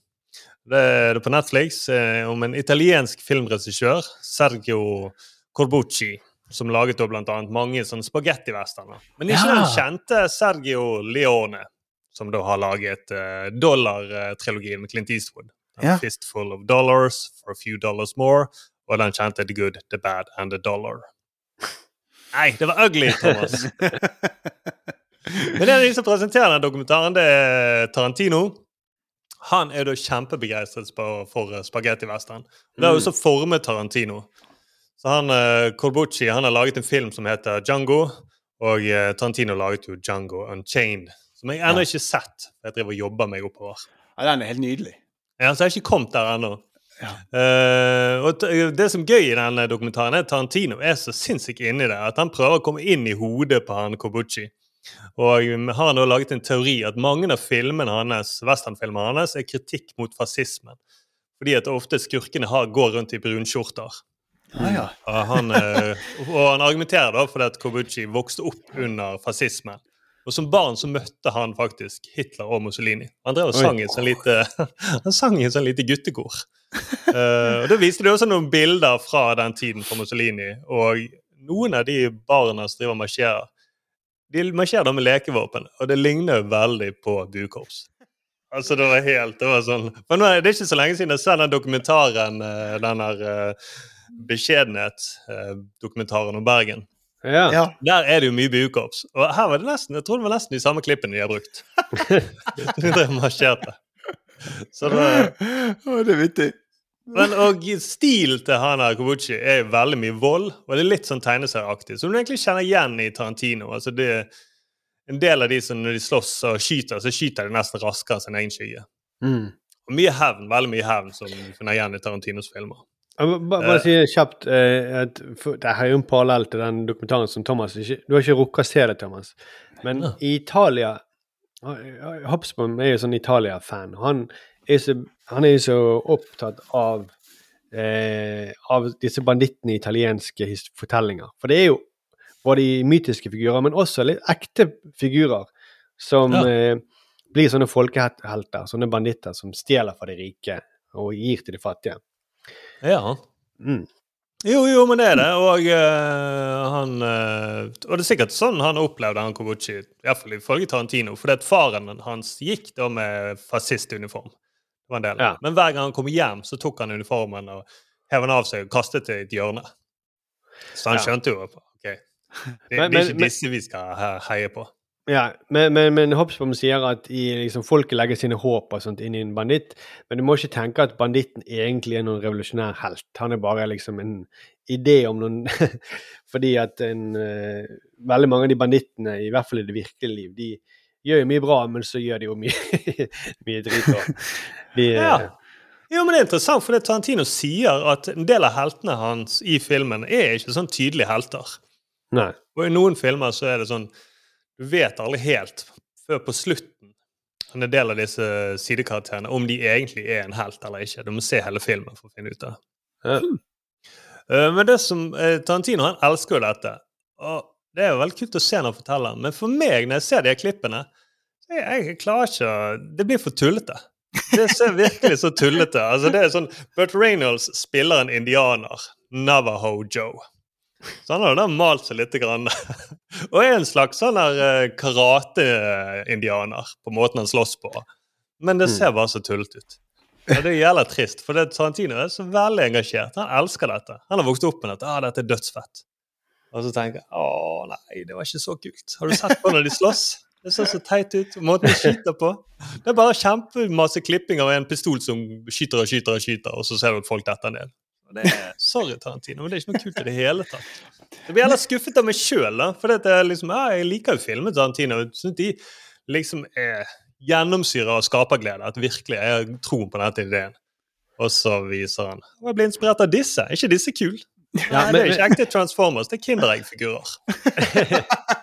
det den følelsen du sitter med. Ja, og det er litt sånn eh, når vi skal vise igjen ting som gjorde et veldig sterkt inntrykk på meg, f.eks. til mine barn, så eh, blir det ofte en sånn Ja, men det ser jo ikke ekte ut, pappa, det der. Jeg ser jo at det, det, det er jo ikke ordentlig Det er jo ikke et ordentlig De ser jo gjennom de spesialeffektene. Gjennomskuer de mye bedre enn det som slo meg i bakken. da. Ja, men det er det. Vi, for jeg ja, sant, Det er sånn som jeg husker uh, en vi vokste opp med, som er manusforfatter, Thomas Mollestad. Mm. Han har skrevet de der uh, en av de diverse skrekkfilmene, norske skrekkfilmer hvor det er på høyfjellshotell. Villmark 2, er ikke det han skrev? Ja. Jo, tror det Er det ikke han fritt vilt òg, eller? Er det Jo, kanskje? Fritt vilt. Ja. Det stemmer. Sikkert Ja, det. kanskje. Uh, får nesten google det, Thomas. Nei, det var jeg som burde googlet det. Jeg bare kom på det nå. Men i alle fall. Men jeg husker når vi var mindre, og så kom han inn, og for lillebroren Lasse, som jeg og Markus kjenner, kom han inn og så anbefalte han dere må se The Thing. Uh, og Ja. da var dette den originale da, på 80-tallet. Ah, den er dødskul. Så Han er litt spennende i begynnelsen, og så helt til du kommer og ser spesialeffektene med monstre. Og så ser det ut som det er modellé-shit-figurer. Altså, det var vel det det var. Jeg ble så skuffet. Det var dette er ikke noe kult i det hele tatt. Det ser ikke ut som det er et monster som lag, prøver å være en hund. Det ser jo så ræva ut. Nei, det, det er akkurat det der er jævla kjipt. Og så vet jeg at ja, det er sånn som jeg vet at uh, Hvis jeg hadde vært en regissør og snakket varmt om Marvel, så er Civil War, dødskul Der er det faktisk ganske bra dilemma, fordi at Captain America han, eh, Eller vi kan begynne med Iron Man. Han mener at det må være noen som bestemmer over superheltene, for ellers går det helt over styr. Mm. Men Captain America han mener da at nei, jeg har opplevd at Shield ble infiltrert av Hydra, og jeg så hvor gale det er. Og så kan jeg snakke veldig masse om det, og så vil noen andre si ja, det er jo bare en eller annen som kaster et skjold på en eller annen i en sånn robotrustning. Det er ikke så veldig kult, Sturle. Det vet du, det der kommer til å skje med meg, eller det har aldri skjedd, da. Men det gjelder trist. og nå Når du har lyst til å henge med, så ja, selvfølgelig Tarantino. Det er dødskult. Ja, ja, men det er litt som å se når vi skal se om igjen eh, Man ser om igjen sånn eh, Vi snakket om det forrige gang. Se om igjen f.eks. Top Secret. Den morsomste filmen noensinne. Så ser, ser du den om igjen, og så skjønner du at eh, den har ikke tålt tidens tann. Den var morsom fordi du var Jeg var ti år da jeg så den, liksom. Ja, ja. Eller som jeg mener fortsatt, Markus, er beste filmen noensinne. Det var Megakrapyle nummer to, var det det? Vi hadde en eller annen diskusjon. eh, Vi kan si du vant den. eh, Historien eh, var på din side, Markus. Men i femte klasse så var det en hard diskusjon om det var En bra film eller ikke. film. Ja, men det var en film i det hele tatt, ja. Det var, det var den som het Problem Child, Ja, kanskje var det Problem Child 2. men som ble oversatt til Megakrapyle. Ja. Og vi, jeg tror, var det, Leide du den i din bursdag, eller noe sånt? Var det, så vi den der? Ja, kanskje vi så der. Eller så var det at vår venn, felles venn Øystein Wold så den. Jeg husker bare at han prøvde faktisk å bygge en av de der fæle. Det, er sånn, eh, det var en sånn felle på gresset, så du går, og så tr- bryter du en snor, og da vil en armbrøst med skyte på deg. Ja. Med en sånn sugekopp. da. Han skulle prøve å lage den, husker jeg. Så, Jeg Men- klarer men- han det? nei, han bare Han klarte, den, han klarte å lage den snoren, det gjorde han. Ja, han laget snoren, men det var ingenting som skjedde med den armbrøsten. Bare Jeg husker bare faren snublet i den snoren. Ja, Hvor gammel var dere da? Kan det være Elleve, kanskje? ja, var rundt Ja, jeg. Men det jeg husker også var en diskusjon. Det var litt seinere, da. Eh, Og der vet jeg ikke helt hvem som har vunnet. Det kan jo du være dommer for, Thomas. Ja. Men, men vi var med hele klassen, så så vi Ace Ventura. Ja. Ja. Og da alle syntes den var dødskul og sånt. Eh, bortsett fra Det var to stykker som ikke likte den. Det var eh, klasseforstanderen vår, Øyvind Øvrebråten, eh, og så var det Sturle. Likte ikke. Ace Ventura? Nei, ikke da. Jeg likte litt, men jeg satt jo ved siden av uh, Øvrebåten, klasseforstanderen. Og Han drev og okket seg så mye, så da ble jeg påvirket av hele han. Senere så har jeg det. Kjøpt, jeg kjøpte jo filmen da jeg var i USA. Og, uh, extended edition. Men akkurat da nei, nei, jeg var liksom, nei, nei, kanskje ikke han var så kul. Men jeg elsker ikke den, men eh, jeg vil jo si Jeg så den jo igjen. Ja. Og den eh, Jeg tror kanskje du, Øvrebotn vant. Nei, det tror jeg ingenting på. Du, du er blitt Øvrebotn, eller du har blitt meg eh, da jeg var ungdom. Ja, jeg er blitt Sturle 15 år. Ja, det er jo noen morsomme scener der, er ikke det det, da? Jo, det må jo være det. Når han snakker ut rumpen. Ja, men sant, det var jo veldig kult eh, man I den crazy komedieperioden. Det var liksom Ja. det helt revolusjonerende. En fyr som er bare Det er jo ingen vitser. Han er bare Han går jo bare rundt og er helt uh, Har ingen no string, strings attached, liksom. Han er bare Han er helt fri. Mm. Uh, og det gjør jo på en måte Snurre Sprett bedre enn han. Ja, det gjør han. Men jeg vil si samtidig at den filmen han må jo være det. Hvis det skal finnes noe eh, form for fornuft i verden, så må jo han være bedre enn det meg og Øvrebotn tenkte. og, og de andre lærerne på Det var voldsomt så negativ dere var, da. til, til Ace Ventura? Ja, ja, ja, etter sett til- Du og læreren din. Men hvorfor satt du alene med læreren din? Var, du, var dere atskilt fra de andre? Ja, vi hadde en privat visning. Jeg vet ikke hvorfor jeg ble sittende ved siden av han. Ja, for det høres ut som du har laget jævlig mye bråk. Og så sa Sturle, du må sitte her. Adskilt Ja, fra de andre ja. ved siden av meg. Nei, meg og Markus kunne jo bråke. Vi har jo gått i klasse sammen, så vi kunne bråke eller lage litt faenskap. Men ikke i nærheten. Han Øvrebotn var jo veldig streng, da. Mm. Eh, så var vel kanskje nesten frykten for at eh, han skulle gi meg parade, som det het den gangen. At man måtte, måtte møte opp klokken åtte på skolen fordi man hadde glemt. Eller likte Ace Ventura. ja, det Høydepunktet i min uh, ungdomsskolekarriere, det- eller vår ungdomsskolekarriere, det var eh, Dette er en liten digresjon, men uh, siden Arild ikke er her, så kan vi ta den. Ja, han litt- kan ikke stoppe oss. Nei. Da hadde vi vikar, eh, og så alle luktet ganske kjapt at han her, han her er en svak fyr. Eh, så da gjorde vi som Cobra Kai, det er No Mercy. Meg og Sturle satte i gang Han var trønder, så vi begynte å synge Brannsangen og greier. Var, Jeg trodde, jeg trodde at jeg var den vikaren. Etter jeg sett Ace Ventura, som sa at Øverbåten du kan være vikar. Du er så vestervoksen. Ja, men det stemmer. det. Han var trønder. Vi eh, fyrte opp brannsangen. Ja, og vi startet sånne små sånn, eh, sånn stille opprør. Og så plutselig så bare eksploderte alle hele klassen, og ingen, gjorde som han, ingen hørte på han. og eh, vi bare, det, var, det var egentlig vennskapelig erting som bare gikk litt over styr. Ja. Eh, og så neste time, da så var, Vi hadde jo en, eh, en assistentlærer i klassen som fikk med seg alt dette her. Hun satt og og noterte ned. Og så sa hun til Øvrebotn at OK, det var helt kaos, eh, og eh, nesten alle var med på det. Og så sier han eh, OK, jeg vet at nesten alle var med på det, sier roboten, så eh, dere kan bare eh, melde dere frivillig. Eller si, si Nå har dere sjansen til å på en måte come clean og si hva dere var med på. Ingen sier noe. Eh, helt stille i klassen. Og så rekker hun veslevokste eh, jenten i klassen på første rad hun rekker opp hånden, og så sier hun at ja, jeg var kanskje med å synge litt på Brannstein. Greit, da ble det parade på deg. Ja, for det er liksom Det er Hermione i uh, Harry Potter. Hun Ja. rekker opp hånden og sier 'Kanskje jeg har tullet litt med leksen'. Ja. Siste som har gjort uh, noe. Hun han trodde, hun, skulle, hun trodde hun skulle få amnesti av å Mm. være ærlig. Og så Det var det ingen andre som turte å si noe heller, så det var jo bare hun. Nei, selvfølgelig ikke. Det var bare hun som, eh, som eh, måtte Hun var den unngjelde for det. Hun gjorde det absolutt ikke Hun var, var veldig lite med på det, disse opptøyene. Han var ikke i det hele tatt. Altså, hun, for det husker jeg jo, og dette er en parallell til Civil War, da. Hvor uh, meg og Markus er superhelter, og så ser vi hvor uh, det bør kanskje av og til være noen som bestemmer, for vi ser hvor over styr dette går. Men samtidig så vil Captain America si at nei, men det er noen som infiltrerer uh, klasserommet, og det er hun er assistentlæreren. Hun driver og skriver ned navn. Så det er sånn, hvem har rett? Captain America. Men, Ok, men, men dette Ja. var din TV-uke, Sturle. Ja, det var det. Det var min eh, virkelighetsflukt. Jeg prøvde å flykte, men jeg har, ikke så, jeg er litt dårligere samvittighet enn Thomas. For jeg klarer ikke å flykte til sånn trash-greie. Så jeg prøver å flykte til noe som ja, OK, men dokumentar om filmer og hva som inspirerer Tarantino, dette må jo være interessant. Ja, noe som Øvrebotn ville likt. Ja, rett og slett. Jeg kunne se den eller den Ace Ventura-dokumentaren, men det gjorde jeg ikke. Vi skulle jo hatt han som gjest i podkasten en gang. Bare så du Jeg hadde bare vært enig med han.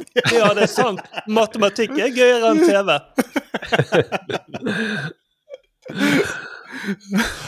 oh, Ja, det hadde faktisk vært litt gøy. Ja, og skremmende. Ja. Men vi skal, vi, da lukker vi TV-uken, og så går vi så snakker vi om eh, det som vi alle har sett sammen. Yes! Ah,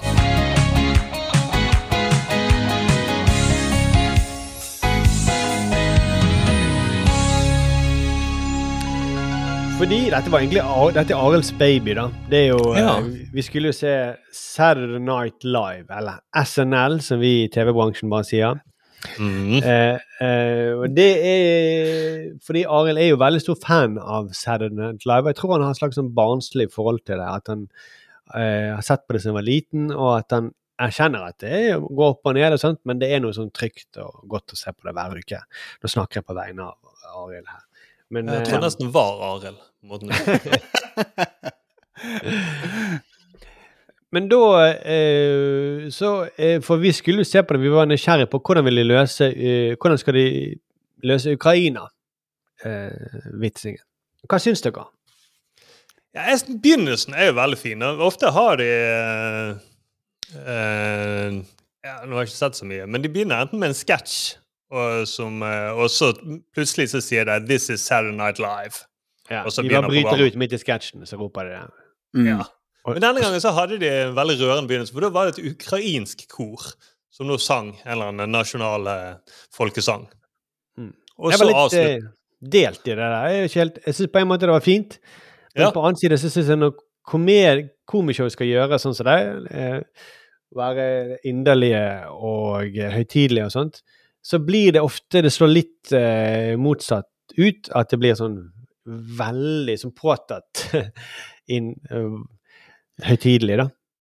Ja, ja, ja. Nei, jeg bare tenkte, for jeg hørte et intervju med en som har jobbet Night Live, og han sa at det er jo Torsdag driver de og skriver om eh, på eh, utkastene, tredje utkast. Så Så tenker jeg shit, at de helt tatt klarer å få med seg noe av dette. Ja, for, så, for, for, for de som, for lytterne som ikke vet, så, så lager jo de disse episodene fra scratch hver uke. Sant? De begynner vel de, det, det, på luften på lørdager, og så skriver de helt fram til det er på luften. Ikke omtrent sånn, da? Jo, jo, det er vel det, men de har, begynner med en del av sketsjen driver de låser ganske sånn eh, torsdag kveld og sånn. Ja. Ja, så det, og dette ble, var, var jo da de gikk til angrep. Ja. Mm. Eh, Så det var jo ikke så mye i Ukraina. Eh, bortsett fra åpningen. Og så var det jo den uh, Weekend Update hvor de har sånne vitser fra et eh, liksom nyhetsstudio. Ja. Der var det ganske mye, da. Ja, der var det mye. Men jeg synes, der syns jeg Colbert og Daily Show altså de er flinkere. Ja. Jeg synes de har det morsommere og skarpere vitser. Og, og de, det har ikke vært derfor jeg tenkte at ja, ok, en bra måte å gjøre det på. Men jeg, skjønner hva du mener, at hvis komikere skal være veldig inderlige, så er det av og til at det blir på en måte litt kleint.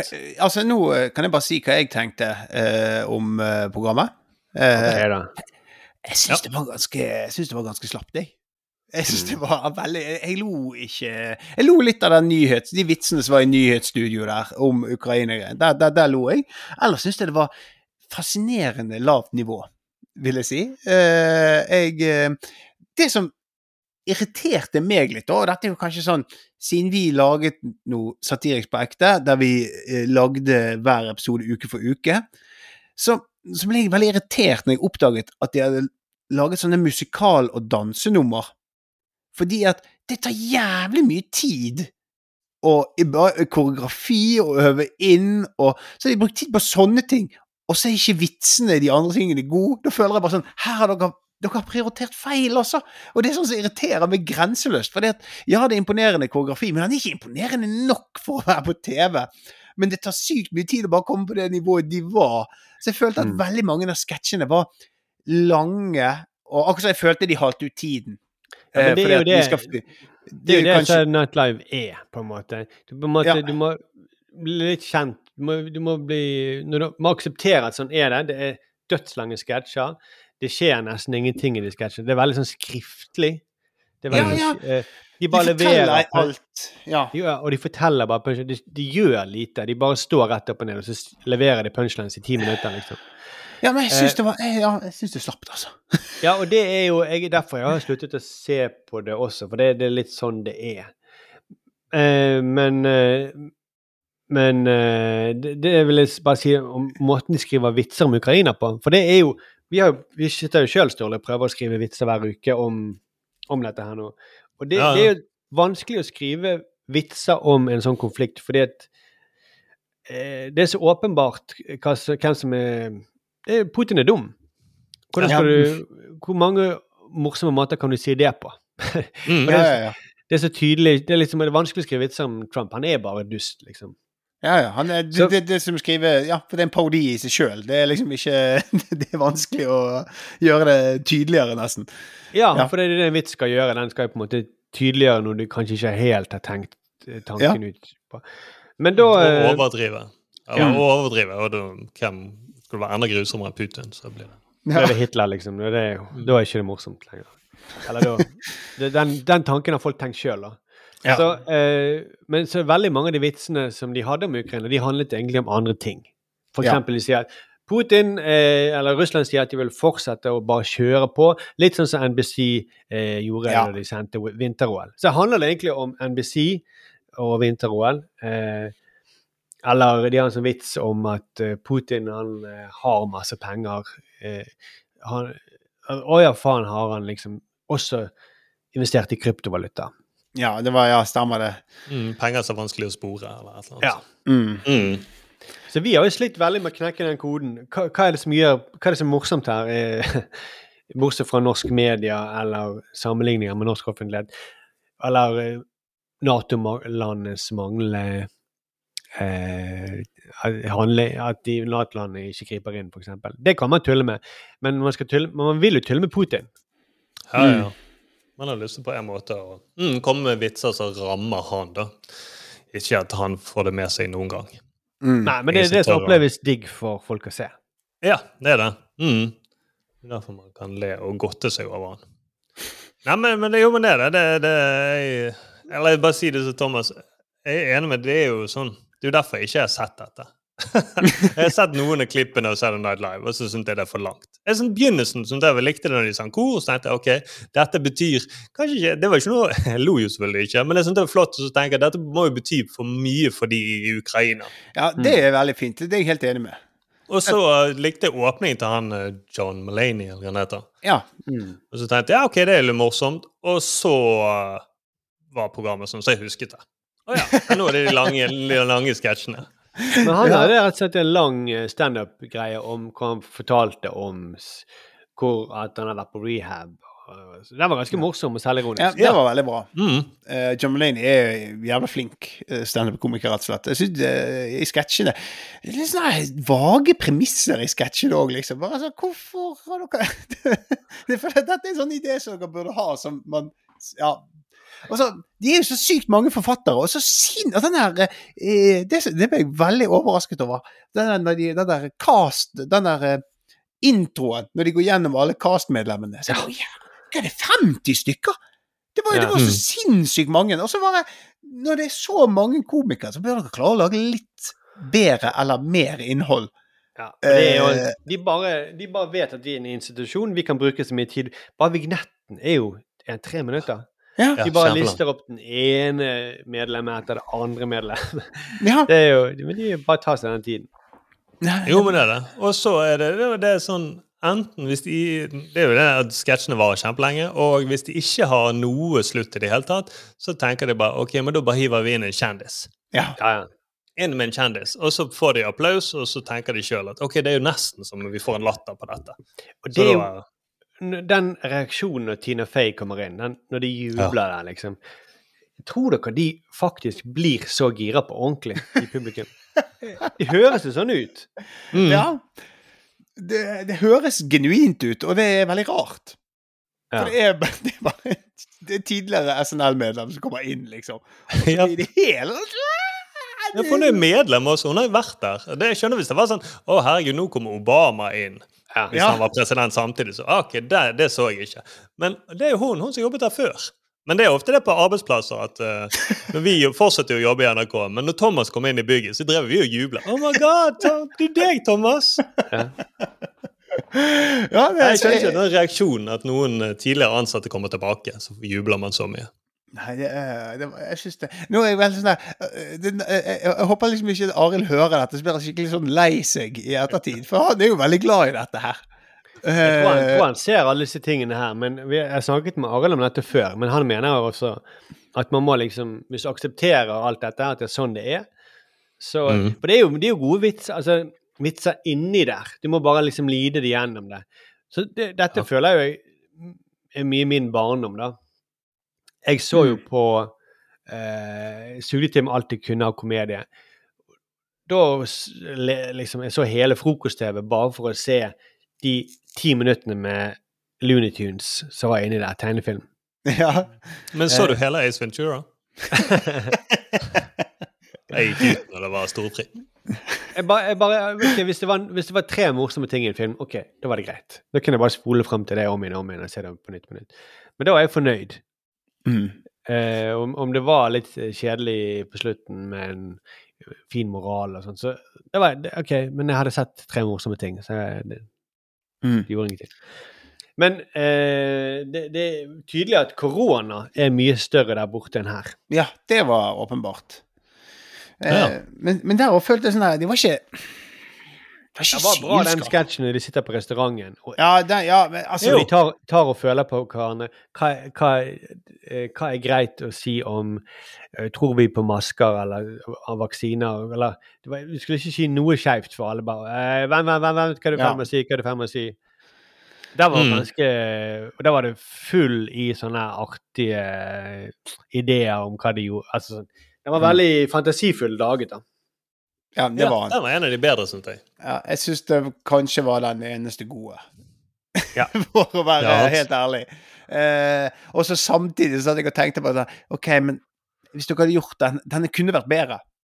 Hadde, han ikke, hadde de laget den utenfor Saturday Night Live, hadde de laget den som en en, en, en filmatisk sketsj, da, ikke en scenegreie som det nå var, så hadde jeg tenkt at det hadde vært det kunne ha blitt en klassiker, liksom. Nå ble det bare en revy mors, Veldig bra, men revy, revyete. Men eh, har dere eh, Altså, men vi vet jo sjøl hvor vanskelig det er å lage en halvtime fra scratch hver uke. Eh, og vi var jo ofte fornøyd hvis vi hadde liksom én eller to skikkelig gode som vi kunne Mm. legge ut på sosiale medier. Så var det Ja. andre litt sånn Det som Thomas lagde, var litt sånn eh, Nei da, Thomas. Heida. Du lagde jo noe av det mest ikoniske. Ja. Ja, det gjorde du. En liten fun fact her. For vi eh, Vi, vi vannet eh, plantene til naboene. Eh, de var i Thailand. Og så eh, kommer, er de på besøk, og det, de, det er hyggelig og sånt. Og så sier de ja, for du var med, med i Satiriks, liksom. Vi har blitt litt kjent med dem, for de har en unge som er like gammel som oss. Så de bare, ja, ja, ja, ja har dere, Det var ingen som så på det programmet der, Satiriks. Jo, nei, vi så på det, så på det to ganger, så tror jeg han. Så jeg vet ikke, jeg, jeg, måtte, jeg turde ikke spørre han på nytt, liksom. Så du? Har du sett alt to ganger, eller har han sett ett program to ganger, eller hva er greien? Men Så du rulleteksten to ganger? Hva mener du? de fulgte det, altså. Eh, og da, Ja, det vet ikke jeg hva er jeg skal si, for det, det, det, Jeg trodde jo at eh, dette var et program som eh, alle hatet. Alle hatet, ingen så på. Men du kunne spør, det du spør han om, er Så du de eh, Satiriks i forbindelse med at du laget en podkast? Var det derfor? ja. Det var en av de som tvang deg til å se det. Som Arild som tvang oss til å se Saturday Night Live.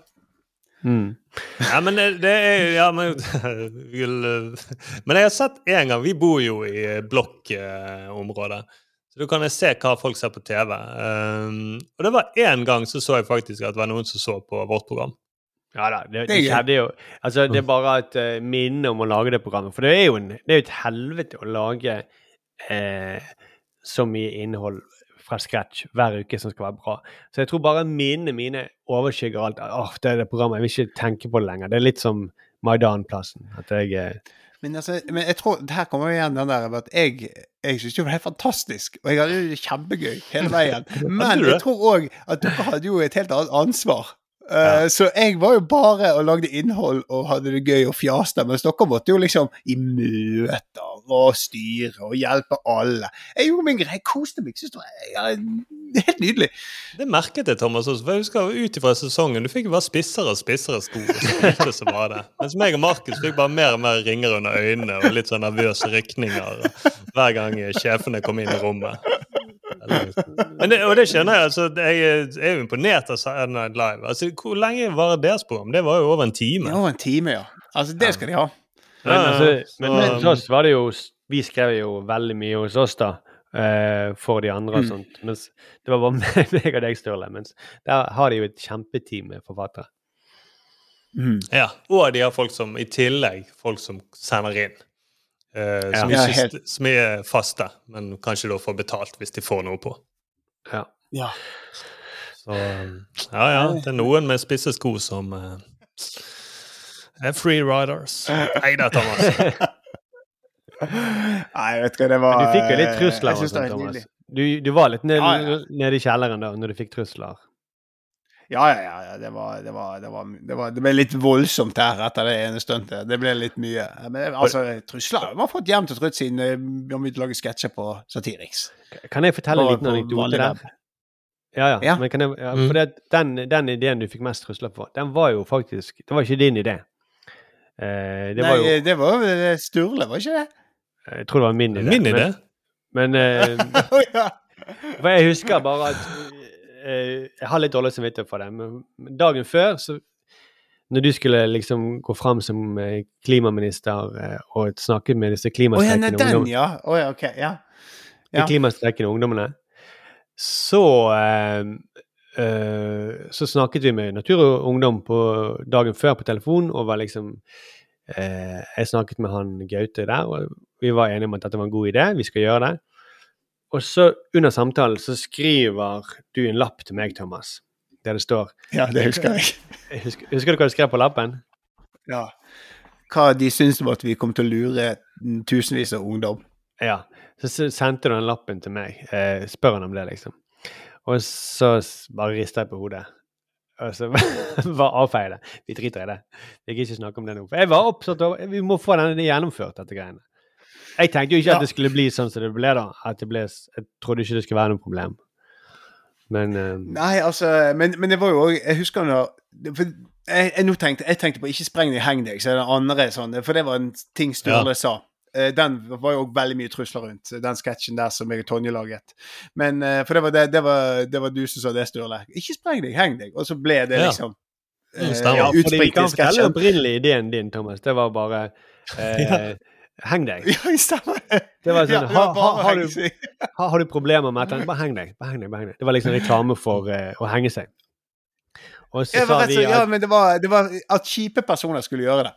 ja, Det var det som var min idé. Ja, men så sa vi at dette det kommer til å slå veldig feil ut. Det må iallfall rettes Ja. mot noen som fortjener det. For eksempel, da var det akkurat vært et stort terrorangrep. Kan man rette det mot noen terrorister? Og så sier Sturle 'ikke spreng deg, heng deg'. Som er en, Ja. er, er en kanonvits. ja, ja, det som var, det som var jeg, hadde, jeg pitchet denne eh, ideen, så, og som var veldig fjollete eh, om at, folk skulle, at skipe folk skulle henge seg.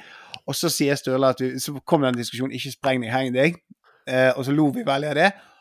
Og dette var på fredagen, og på lørdagen skjedde Manchester-terroren.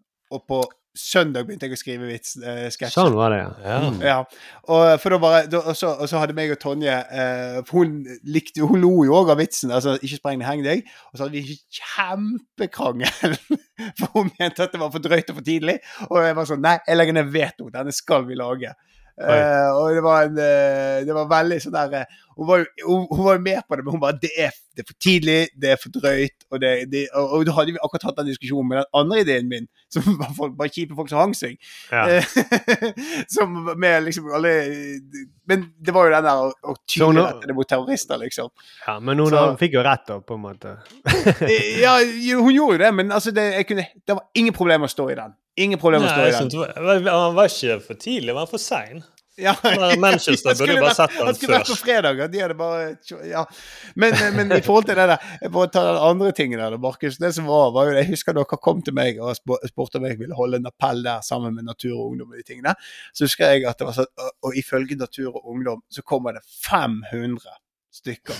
Mm. Og da sa jeg bare sånn der Å, i helvete. Ja, vet du hva, jeg må jo gjøre dette. 500, hvor- Når får jeg snakke for 500 mennesker igjen, liksom? Og det begynte der. Og hva var det endte med? det? 15 000, eller noe sånt? Så det var liksom bare så sykt sånn der, hvordan denne hele greien eskalerte så mye fortere enn vi var forberedt på.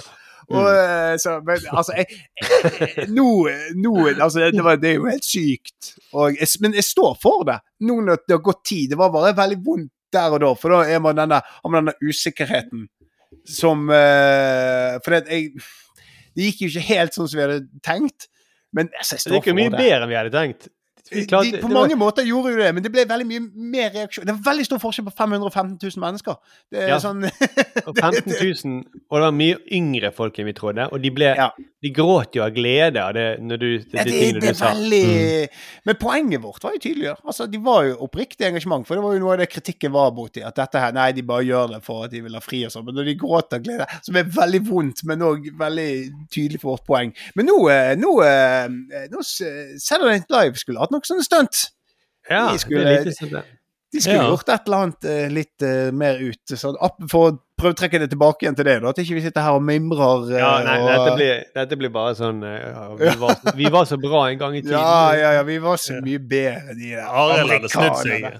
Arild har snudd seg i graven hvis han hadde hørt dette. Altså. Han hadde syntes dette er forferdelig. Men det vi kunne gjort, det er jo å hjelpe Saturday Night Live. Vi må prøve å promotere Thomas inn der som en uh, rolle. Janukovic. Ja. Mm. Nei, ikke Janukovic. Det Janukovic, eh, nei. eh, Zelenskyj. Zelenskyj. Ja. Ja, ja. Altså, jo, der, men litt jo, Ja, jo, eh, kanskje det kunne vært Janukovic. Eller han som ble sånn gift, forgiftet før. Han har allerede den furen i pannen. Så hvis, Ja, han hadde tatt litt av giften allerede, bare for å komme inn i character. Ok, Nei, men men, var- eh, skal vi rett og slett gi oss og så Husk at til neste uke så kommer det to podkaster. da. Og Mm. Da tror vi vi skal prøve å få en gjest til å komme og snakke om sin TV-serie. Og så skal vi ha ny quiz fra den dokumentaren. Og så skal vi se om du har fått det med deg. Og, eh, og så må vi også snakke om, eh, bare kjapt, hva er det vi ikke skal se denne uken her? Oi. Jeg skal ikke se Saturday Night Live. Nei, Ikke jeg heller. Det skal jeg Nei, det kommer ikke jeg til å se heller. Sorry, Arild. Det, det skal ikke vi se. Arild, hva kommer du ikke til å se? Jeg kommer ikke til å se Arild? Saturday Night Live. Har han så lys stemme? Jeg har ikke lagt merke til det. Jeg syns det var bra, Thomas. Det minner meg om de glans... eh, ramsalt parodi. Altså, Ja, de- der er uh, stråle øyeblikkene i et eget lydstudio. Nei da. Det er gøy når du ler Thomas så mye at han legger seg bakover, så ser vi at de spisse skoene stikker opp i webkameraet. Nei, skal vi si ha det og takk og farvel? Ja, og fortsett å sende inn tips til oss, og så send på eh, enten på post at 5080.no, eller sett inn på vår Facebook eh, eller Instagram-konto i innboksen her. Og så skal vi stramme opp Thomas til eh, neste runde. Takk for eh, laget, gutter. Det var hyggelig som vanlig. Ja, takk for meg. Takk For Thomas. Ha det.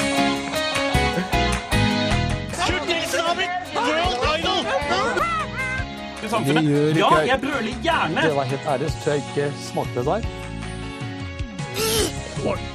Jeg er jo egentlig en ganske flatbrystet pike. Oh yeah? Well, I love you too! Det ser jo ut som en løgn. Det er slik, sånn snakker vi ikke. One small step for man,